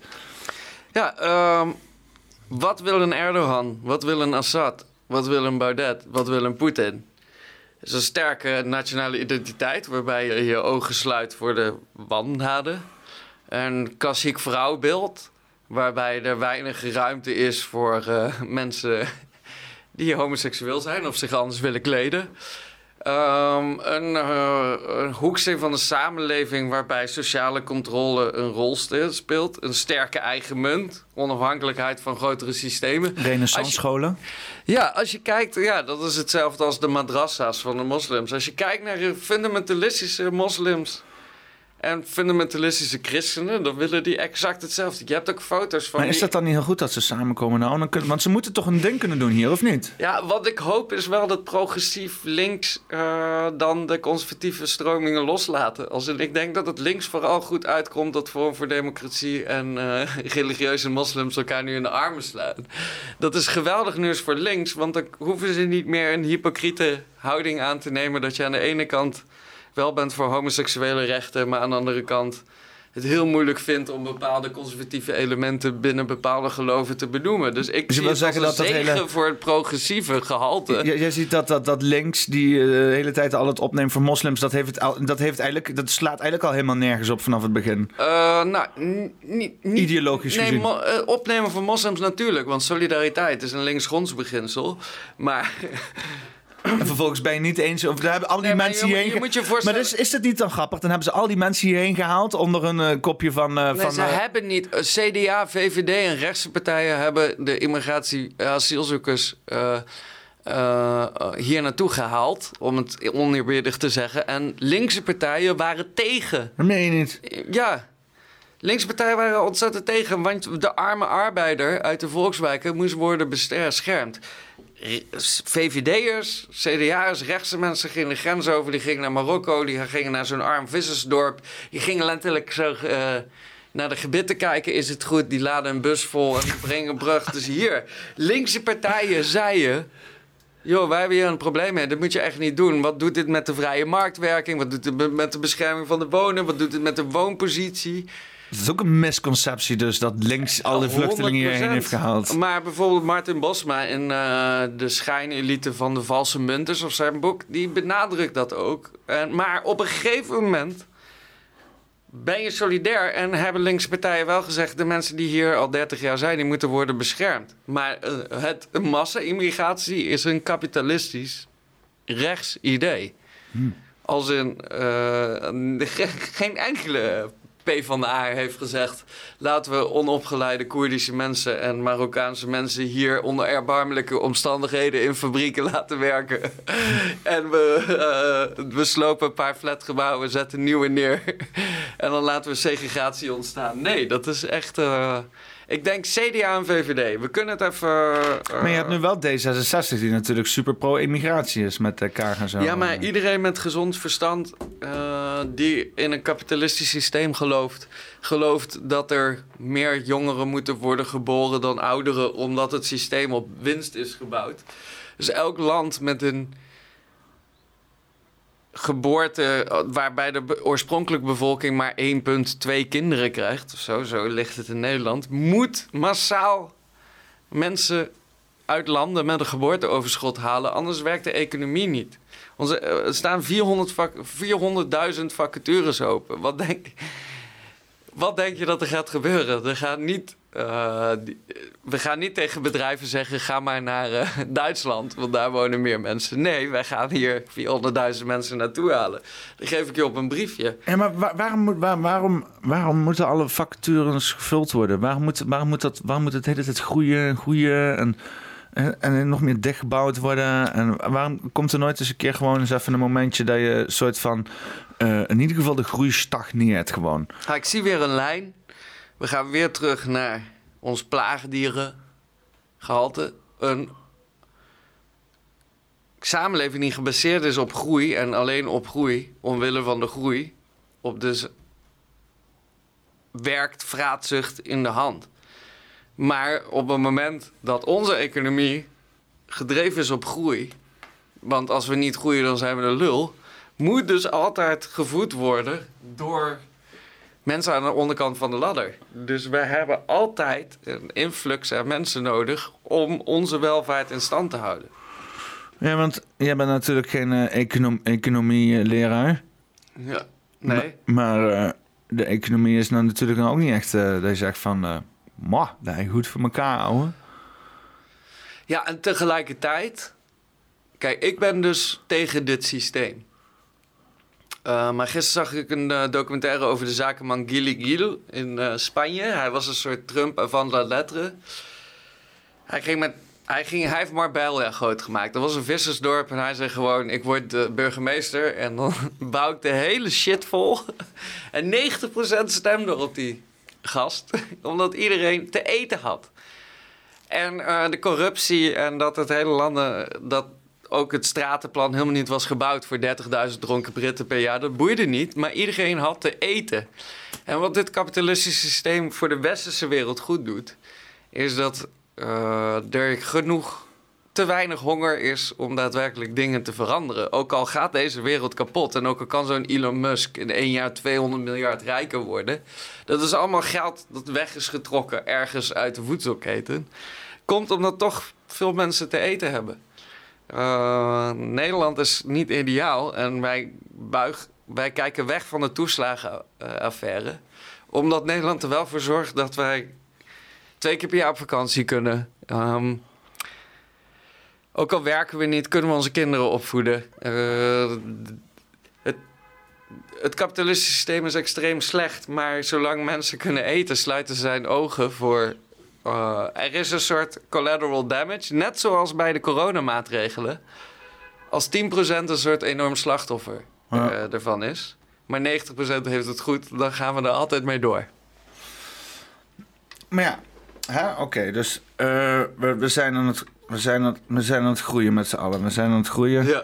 En we komen dus nu in een fase waarbij we dus inderdaad ja, eigenlijk uh, een soort van groeiprobleem krijgen. Hè? In de marketing noemen we dat dan een groeiprobleem. En dan moest je dus inderdaad een nieuwe fase gaan inrichten. Ja. Waarbij je dus inderdaad je bericht inricht van wat er gebeurt na het groeien. Want als je heel erg aan het groeien bent, moet je flexibel zijn. Moet je uh, snel kunnen schakelen. Maar als je eenmaal groot bent hè, uh, en de groei bijvoorbeeld stagneert. Of je moet op een gegeven moment gigantisch veel klussen aannemen. Ja, dan moeten er bijvoorbeeld nieuwe gebouwen komen, nieuwe afdelingen. Ja. Ja. er moet gewoon een nieuwe fase ingeluid worden.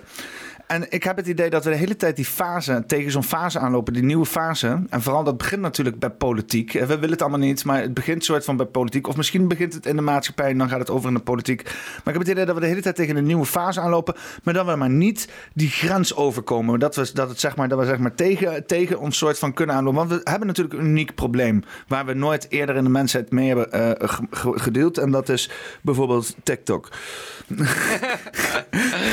Wat een podcast. nee, ja, nee. dacht, nu komt het. TikTok, ja, ja. TikTok en, uh, en partners, zeg maar, weet je wel. Ja. TikTok is echt het meest, Ja. dat is echt het meest, uh, uh, ik, ik vind het het meest abusive social media platform. Kunnen we het over hebben, maar daar wil ik nu even gewoon even een kastje schuiven.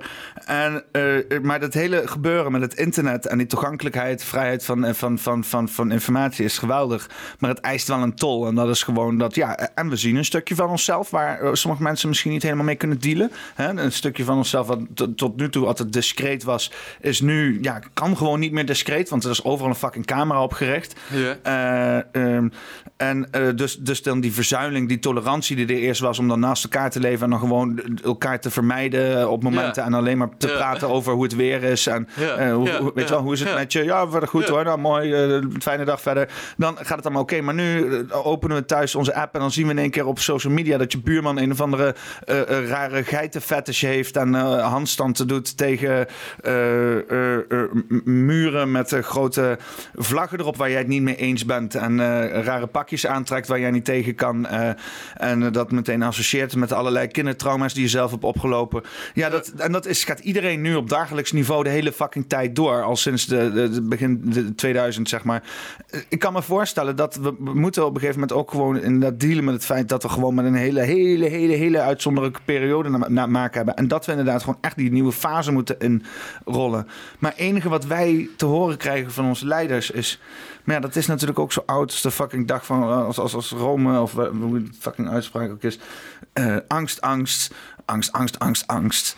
Angst, angst, angst, angst, angst, ik, ik was bijna met je eens. Eh, wat je ziet is dat eenzaamheid een enorm probleem is. In Arnhem is 35% van de mensen eenzaam. Volgens mij ligt dat in Nederland ongeveer hetzelfde.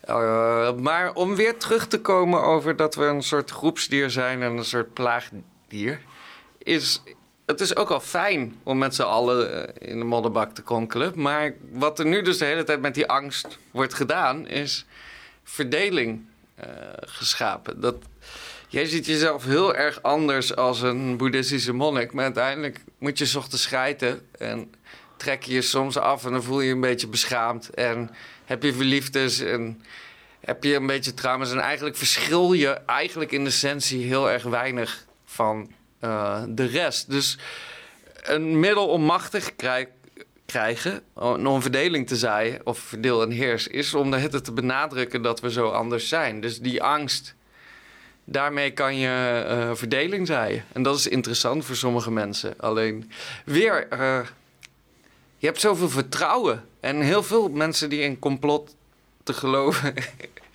in de macht. Als in eigenlijk zeg je als complotdenker ook: ik wil graag dat er goed leiderschap is. Dat een soort inrichting aan deze chaos geeft. Als in die hoop heb ik al lang losgelaten. Daarom Ja. kan ik misschien ook wat meer verwonderen. En daarom boeit het mij niet. Als in sommige mensen proberen mij de protocollen van Sion en zo te laten lezen. Nou ja, heel veel mensen die willen het nu ja. kleiner maken. En dan inderdaad een soort van een parallele samenleving. ja. Nou, iedereen praat nu over een parallele samenleving. en, ja. Maar, eh, en dan zijn ze dan aan het preppen en zo, weet je wel. En dat soort maar dat impliceert ook dat er een samenleving is. Als in, we zijn we niet altijd in, in een soort... Aan de ene kant allemaal hetzelfde, maar aan de andere kant allemaal onderverdeeld in eindeloze stukjes. Is dat erg? Is het, is het allemaal zo erg? Nee, ja, in mijn optiek vind ik het perfect klinken. Ja. En nu, eh, even, ik, ik voel het bruggetje aankomen, want ik wil nou nog een persoonlijke vraag gaan stellen dan. Ja. Ehm, wat eh, betekent, want eh, de, heel veel mensen hebben het erover gehad de afgelopen tijd. Eh, ik, heb het hier in Arnhem al vaker naar me toe gesmeten gekregen. met de herdenking van eh, ehm, eh, de, de, de, de brug, de, hoe heet het ding hier? Ja, ja, ja de John Vosbrug of Ja. Bridge to Far, Ja, Bridge. Slag op Arnhem. Ja. Die shit. Vrijheid. Koester onze vrijheid. Eh, dus nou, ik wil dat heel graag koesteren. Ik vind het echt super chill. Dat klinkt echt super chill. Maar wat de fuck betekent vrijheid, Tim Lenders? Ja, mijn moeder zei altijd: eh, vrijheid is een eh, grotere kooi. En daar was ik een beetje boos van. Maar als kind wilde ik heel graag altijd naar buiten, altijd die absolute vrijheid ervaren. Individuele vrijheid, want ik denk ook dat je het woord. Allereerst, het term is zo uitgehold, net zoiets als gezellig of authentiek of eh, leuk. Het heeft geen. eh, bijvoorbeeld Partij voor de Vrijheid. Een partij die mensen de vrijheid van religie willen ontnemen. Dat soort rare. ehm, ja, is vrijheid. eh, ik vind zelf dus vrijheid niet een grotere kooi, maar ik vind vrijheid het kiezen van je eigen kooi. Zodat je de mogelijkheid om je eigen eh, plicht en gevangenschap te kiezen. Bijvoorbeeld, eh, ik heb twaalf jaar lang eh, van mijn 16 tot mijn 18 is er een vrouw verpleegd. En ik had dus voor mezelf gezworen, ik blijf haar trouw tot aan de dood. Dat hield me altijd in Arnhem. Maar het gaf me ook een gevoel van vrijheid. Geestelijke vrijheid. Ik heb wel eens in hele slechte posities gezeten... en alle mogelijke dingen kunnen doen die ik was... maar toch voelde ik me gevangen. En ik heb ook eh, wel eens... Ik heb in, in corona binnengezeten in de lockdown... en met mijn hoofd heel vrij gevoeld. Dus vrijheid is een soort eh, vloeibare term. Wat ik wel heel vaak eh, denk, en ik zie ook heel veel mensen die zeggen: Ik wil gewoon vrij eh, zijn en ik wil gewoon doen wat ik doe en ik wil drugs gebruiken en bla bla bla. Maar dat is. Typhoon heeft ook zijn zin. Vrijheid kan ook een vorm van sleur zijn. ik vind dat eindeloze jacht op individuele vrijheid en je grenzen zo wijd mogelijk stellen, vind ik voor mezelf niet zo eh, interessant. Ik, oh, je hebt ja, weer een soort strijd tussen individuele vrijheid en collectieve vrijheid. En bijvoorbeeld, het is vrijheid om te zeggen dat uh, homoseksuelen of uh, andersdenkenden niet mogen bestaan. Of het is vrijheid om te zeggen: ik vind dat uh, Bardet door zijn hoofd moet worden geschoten. Vrijheid van meningsuiting. Um, er wordt alleen, ja, ik, ik, vrijheid is ook, als je al kijkt naar het volk dat is dus ook waar jij je steeds over verwondert. Is dat mensen vrijheid helemaal niet zo relevant vinden. Mensen willen veiligheid. En veilig, vrijheid is nooit vrij. Ook heel veel uh, linkse activisten vinden dus dat de overheid of de markt moet ingrijpen als iemand over de scheef gaat. Vrijheid is ook heel vaak naar. Als in vrijheid. Uh, vrijheid kan jou ook benadelen. De vrijheid zeker, van iemand anders. Zeker, vrijheid is. Voor, ja. voor, het weet, uh, verbouwt de buurman zijn huis en heb je de schuttingenmeter in je tuin staan. Hé, hey, ja. maat. Ja. Dat is te vrij, maat. Ja, ja precies. En voor mij komt dus vrijheid niet... Is, financiële vrijheid is voor mij geen vrijheid. Uh, op de vuist kunnen gaan of dingen kunnen roepen of anderen kunnen kwetsen is voor mij geen vrijheid. Alleen vind ik dat wel belangrijk. Maar in mijn vrij zijn in mijn hoofd, dat is voor mij uh, uh, het belangrijkst. Ik heb het wel eens op proberen te schrijven. En dat is echt twaalf jaar geleden. Dat is redelijk kinderlijk. Maar dat is. Vrijheid is om je eigen kapitein te zijn en om niet te zinken. Vrijheid is de keuze om je innerlijke kind niet te verminken. En om niet in het moeras van het benauwde systeem weg te zinken. Het zijn vrijheden van verslavingen, van vertragingen en perverse gedragingen. Afstand doen die me geweten in slaap zingen. Afstand doen van mensen die me geweten in slaap zingen. En weg van nachtmerries die diep in mijn slaap dringen. En weg van bazen die me met angst in de haast dwingen. En dat is voor mij dat ik een kind mag zijn. Dat ik mezelf kan redden. Dat ik niet verslaafd ben aan middelen. Uh, en dat ik niet iemand anders is die zegt wat ik moet doen, wat tegen mijn eigen normen en waarden ingaat. Dat is voor mij vrijheid. Denk mooi. Ik. Ja. En Heel voor mooi. jou? mooi. Nou. Dank je. wat is voor jou het? Ik krijg er een beetje tranen van oh, zo. Wow. Ja, nou, heb je er nog wat aan toe te voegen? Of zullen we er een eind aan breien? Nou, ik wil graag nog één ding zeggen. Uh, want ik keek jouw podcast met uh, Paul de Bruin. Ja. en uh, toen ging het een stukje over de holocaust. Het was wel een bredere context. Maar was, Paul de Bruin zei toen ook... er zijn 26 miljoen Russen dood gegaan. En toen zei hij van ja... dat is ook erg, misschien nog even erger. Maar wat ik voor de holocaust ik hou van geschiedenis. Ik heb heel veel gelezen. Ik heb van Kubla Khan tot, tot de conquistadores, tot, tot alles gelezen. Ook de slavenhandel, ook de barbarijse slavenhandel. Maar wat u, redelijk uniek is aan de Holocaust, is dat er een doelbewuste poging is gedaan uh, om een hele bevolking weg te vagen en een bestaan weg te wissen. En het angstige is, is dus dat ze daar heel erg in zijn geslaagd. Dat er een systeem was om mensen zo snel mogelijk van de aardbodem te verwijderen. En zonder waardeoordeel over de Joodse gemeenschap. Stel, het waren de slechtste mensen op de wereld of de beste, dat maakt niks uit. Maar het simpelweg onderscheid maken, het in papier brengen, het opsporen, het in veewagons laten en weggassen. Met enige uh, uh, doel om die mensen van de aardbodem ervan te verwijderen. En er, er waren veel meer Russen en er zijn heel veel mensen gestorven. Maar bij de Joodse gemeenschap in Europa is gewoon bijna in zijn totaliteit weggevaagd. In Nederland 85% is gewoon op treinwagons ge- ge- geladen en eh, vergast. En die bruutheid, die kille berekenendheid en een heel systeem dat samenwerkt om een volk zo succesvol door de gaskamers heen te jagen, dat is bijna niet te vergelijken. Misschien bij de Holomodor die, eh, die van Stalin of zo. Maar Ja. ik moet wel zeggen dat, dat, dat de Holocaust er bovenuit springt, omdat het alle. omdat het bijna gelukt is. Omdat het gewoon bijna als het nog. En omdat ook de Amerikanen, de Russen en de Duitsers. iedereen wist het op het laatst. Maar iedereen weigerde om er een eind aan te maken. En het kwam heel veel mensen ook wel goed uit.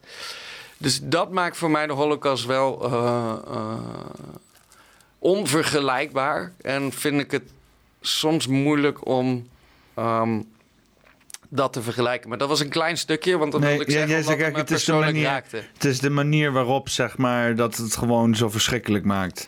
De kille berekenendheid, de, de gecalculeerdheid, het samenwerken van spoordiensten, het zo snel mogelijk in kaart brengen, het bijeendrijven en vervolgens zonder eh, gerechtsvorm met de gaskachel injagen. Of gaskachel klinkt on- oneerbiedig. Dat is ongeëvenaard. Als in je hebt nu met de Oeigoeren, die worden gesteriliseerd, die worden bijeengedreven en die worden langzaam kapot gemaakt. Eh, je hebt heel veel, heel veel voorbeelden ervan. Eh, maar er is nooit zo samengewerkt om het ook echt En dat het te laten snel, verdwijnen. snel moest en gewoon... En het, wat je zegt, het is Ja. als bijna geluk. Als mensen Eh. nog een jaartje extra lang een oog aan de degen knippen, dan... Ja, de- ik vind een rode khmer erop lijken in Cambodja.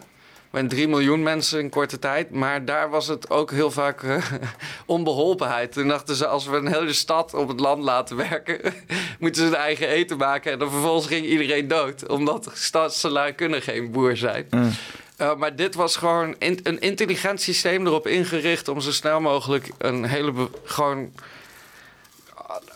met de efficiëntie met waar dat is gegaan en de snelheid en de maatschappelijke goedkeuring, dat is ongeëvenaard. Ja. Dat is net zoiets als dat we nu zeggen, we gaan alle transgenders vernietigen uit een samenleving en het lukt in twee maanden om 20.000 mensen gewoon weg te helpen en dat iedereen het ziet gebeuren en dat iedereen zo zegt, we kijken ernaar. Dat, ja, dat is toch een beetje een kut eh, verhaal, maar ik... ehm, Breng nou niet mensen op ideeën. Nee, ik heb gelezen... ik, ik, deze- ik snap bij. Ja, ja. Dat vooral het feit dat inderdaad dan de mensen uitkwamen en beseften van hey, iedereen stond er maar bij en keek ernaar, weet je wel. De, die pijnlijke besef van, van hey, eh, niemand die pakte het echt op. Want ze hebben inderdaad de mensen vanuit de Joodse gemeenschap die de dans zijn ontsprongen, die dus inderdaad in Amerika een beweging hebben te, eh, opgericht en die dan uiteindelijk naar eh, Europa zijn gekomen om eens even flink te gaan nazijagen. Ja. Eh, dat dat inderdaad niet vanuit ergens in de wereld kwam. Als je dan inderdaad dan dat overleefd hebt, daaruit komt... Hè, en dat je dan wel zoiets hebt van... Hey, gasten, wat moeten we dat allemaal zelf doen? Dus ik snap, ik snap misschien Ja. ook wel die mindset die inderdaad in die eh, Joodse gemeenschappen zit... van we moeten dit elk moment zo dik mogelijk opleggen als het even kan. Want op Ja. het moment dat het, als het over, over- ver- eh, verloren is... dan eh, is de hele wereld er schijnbaar oké mee... als wij met z'n allen gewoon in de kampen moeten verdwijnen. Dus dat, ik, ik snap, Ja, ik snap wil, wel die... Ik, wil, ik heb even een verhaal geschreven en die heb ik weggehaald van Facebook en die wil ik delen. Want er waren heel veel holocaust-vergelijkingen. Maar je moet het verhaal horen van Babi Yar. Volgens mij heet het zo, Baba Yar of Babi Yar. En dat is een eh cliff bij, eh, volgens mij bij Kiev in de buurt of in Oekraïne of ergens in Oost-Europa. En de West-Europese Joden, die werden nog als volwaardig mens eh, gezien. Dus die werden enigszins voor de ogen van de nazi's netjes in eh, Auschwitz en zo eh, te dood gebracht. Maar in Oost-Europa werden Joodse mensen gezien als ondieren en moesten ze op elke manier dood worden gemaakt. Maar Babi Yar is dus, wat er was gebeurd, er was volgens mij het ghetto van Kiev. Er werden 30.000 mensen eh, bij elkaar gedreven, die moesten naar een klif lopen. En daar was een gat in gegraven en er moesten mensen gaan liggen per 200 met de voeten tussen de gezichten. En dan ging iemand met een machinegeweer eroverheen en dan werd er een laagje van 10 centimeter eh, eh, zand eroverheen gelegd. En dan moest er weer, zoals een sardineblikje. Ja, En de helft zanden bleef-. Ja, de helft bleef gewoon leven. Dus uiteindelijk was er een soort eh, toren gebouwd met een klif vol mensen met 30.000 mensen die in 24 uur in een gat werden gelegd. Met een mitrailleurpistool met zand eroverheen. Dan nog een laag. Dus je moest liggen op duizenden mensen die je kende die al dood werden gegaan. En de helft heeft. eh, mensen hebben het nog- gewoon overleefd. Mensen die ook lagen te kermen nog en zo. En... Ja, en dus eh, dat is zo'n extreem gruwelijke eh, gedachte. die alleen vergelijkbaar is bijvoorbeeld bij de, de Japanners in Nanjing. Maar om jouw eigen vrijheidsinperking te vergelijken met die dingen, als je niet de volledige historische context daarvan begrijpt, of misschien niet wil begrijpen, dat, dat, dat, daar voel ik mij als ook. eh, ik ga zo naar de dodenherdenking over een Over een uur. uurtje. Er komt ook een schoonfamilie een eh, bepaalde achtergrond heeft. Maar om jezelf daarmee te vergelijken, dan moet je be- 100% bewust zijn van wat je is. En ik wil het niet.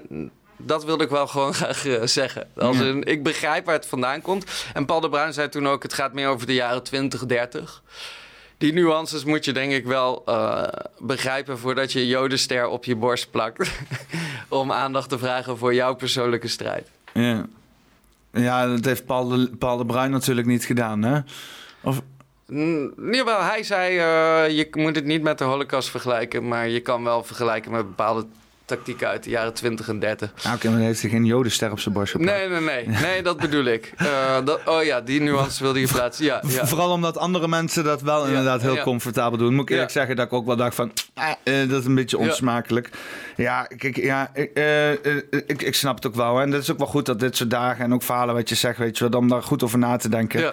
Eh, ik, ik, ik bevind me ook wel in heel veel omgevingen... met ook gewoon plain cold holocaust deniers, weet je wel. En ik vraag me ook altijd af van hoe belangrijk is dat om dat vol te houden, weet je. Want aan de ene kant eh, eh, voel ik ook wel eens een repressieve kant aan eh, de, de, de fanatiekheid van de Joodse gemeenschap om inderdaad dit om, om om eh, beschadigende kritiek zeg maar, te onderdrukken. Hè? Eh, eh, maar als je het zo stelt, weet je wel, als die mensen, die mensen de, ja, Joodse gemeenschap heeft natuurlijk alle reden, reden door om dat te blijven doen. Vooral als je inderdaad ook, had nog niet eens over nagedacht, dat inderdaad ook niemand in de wereld Weet je wel, je denkt van, oh, dit is toch afgelopen? We hebben je toch bevrijd, weet je wel. Het is nu, toch goed, weet je. We, zijn allemaal aan de kant van de winnaars. Welkom in de club, weet je.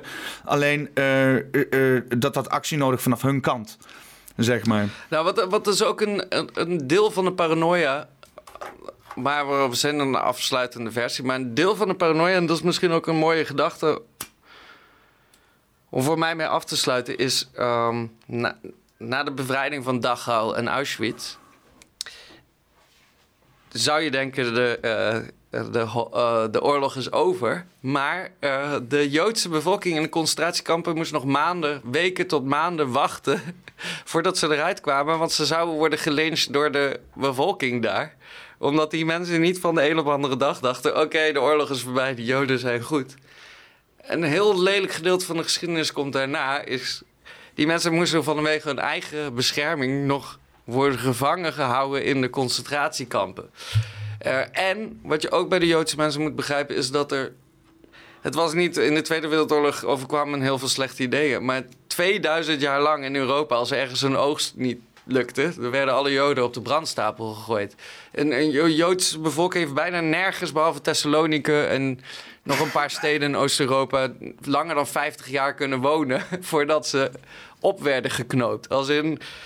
De Tweede Wereldoorlog was een soort enorm trage aanloop naar uiteindelijk een soort eindspel waarbij iedereen werd weggevaagd.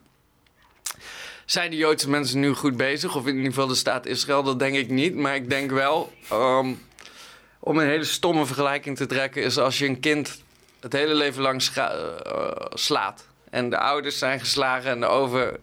Die trauma's die lossen niet zomaar op. De extreme paranoia dat iedereen erop uit is om hun weg te vagen, is in de geschiedenis altijd juist geweest. Dus dat. Daarmee kan je eh, geen begrip tonen of niet het goed praten, maar kan je bepaalde preventieve acties van Israël misschien moet je dat door die bril zien van 2000 jaar lang aan opgejaagd en uitgeroeid worden. Eh, maar nu, draaien, nu zijn we weer een zijpaadje in. Maar ik wilde dat wel gewoon eh, even zeggen, want ik hou van geschiedenis en je moet soms licht zijn. Of sommige dingen kan je niet ongenuanceerd er zo inbrengen. Eh, en dat is geen kritiek naar jou. Alleen dat ik wilde dat wel even reageren op dat kleine gesprek tussen jou en Paul de Bruin. Op een verder heerlijk eh, gesprek. Ja, en, en daarom eh, kom jij ook langs, weet je wel. Ook poppenkast rectificaties zijn soms nodig. Ja. Ja. ja. En, eh, want eh, jij gaat straks eh, herdenken. Ga je verder nog andere dingen doen eh, vandaag? eh? Champions League kijken. Wat? Wat? Champions League Voetbal? kijken. ja, voetbal. Eh, ja, ik eh, ga eh, bij het Kerkplein zo staan. En dan eh even ook met mijn schoonouders naar dat eh, monument. Eh, heel lelijk, met een reiskoffer. En eh, er staan altijd misschien een plukje mensen. En dan zijn de trompetters op de Eusebiuskerk, die jullie daar misschien kunnen zien. ja, daar. Ja. En dat is op zich wel best wel mooi. Maar eh, ja, eh, ook wel voor. eh, ik hou heel erg van Arnhem en ook wel voor de, wat Arnhem is overkomen. Daarom eh, sta ik er ook. Ja. Maar dat is heel Let- erg let- stadionalistisch. De littekens zijn af en toe te voelen hier hoor. Precies. Ja, ja. Hey, eh, op een geslaagd gesprek. Ja, ik vind, hem, Cheers. ik vind hem ook weer goed. Sluiten we hem af. Mooie, ja, inderdaad. 2 uur en 21 minuten, dames en heren. Poppenkast nummer 65. Met En, Tim Lenders. Nu moet een duivelsaanbidder morgen. Met 6-6. Wat? Of de volgende editie. Editie 66. Oh ja, 66 inderdaad, ja. Oh, ja, moet Dus er wel- moet wel iemand met eh, Ja, 66. symboliek. Ja, een ja. symboliek-expert. Ja, inderdaad, ja. Nou, in ieder geval, eh, eh, eh, volgens mij ga ik met een hoop vrouwen iets doen. oh, dat is ook... nou, Poppenkast eh, 65, eh, dames en heren. Eh, Tim Lenders. Eh, we, hey, we hebben nog geen titel. Wanneer een titel bedenken? Wanneer een titel? Iets met vrijheid? Of eh, plaagdieren. plaagdieren? Ja. Zijn we, vrij, vrij, zijn we vrij om plaagdieren te zijn? Ja, maar ook, eh, we hebben het ook over Johan Derksen en zo gehad. En dat zijn ook wel plaagdieren. Oh, ja, ja, ja, ja, ja. Dus ik plaag tussen aanhalingstekens. Ja, plaag en dan dieren met Tim Lenders. Ja, zeker. Oké, nou, hè? 5 mei special met Tim Lenders.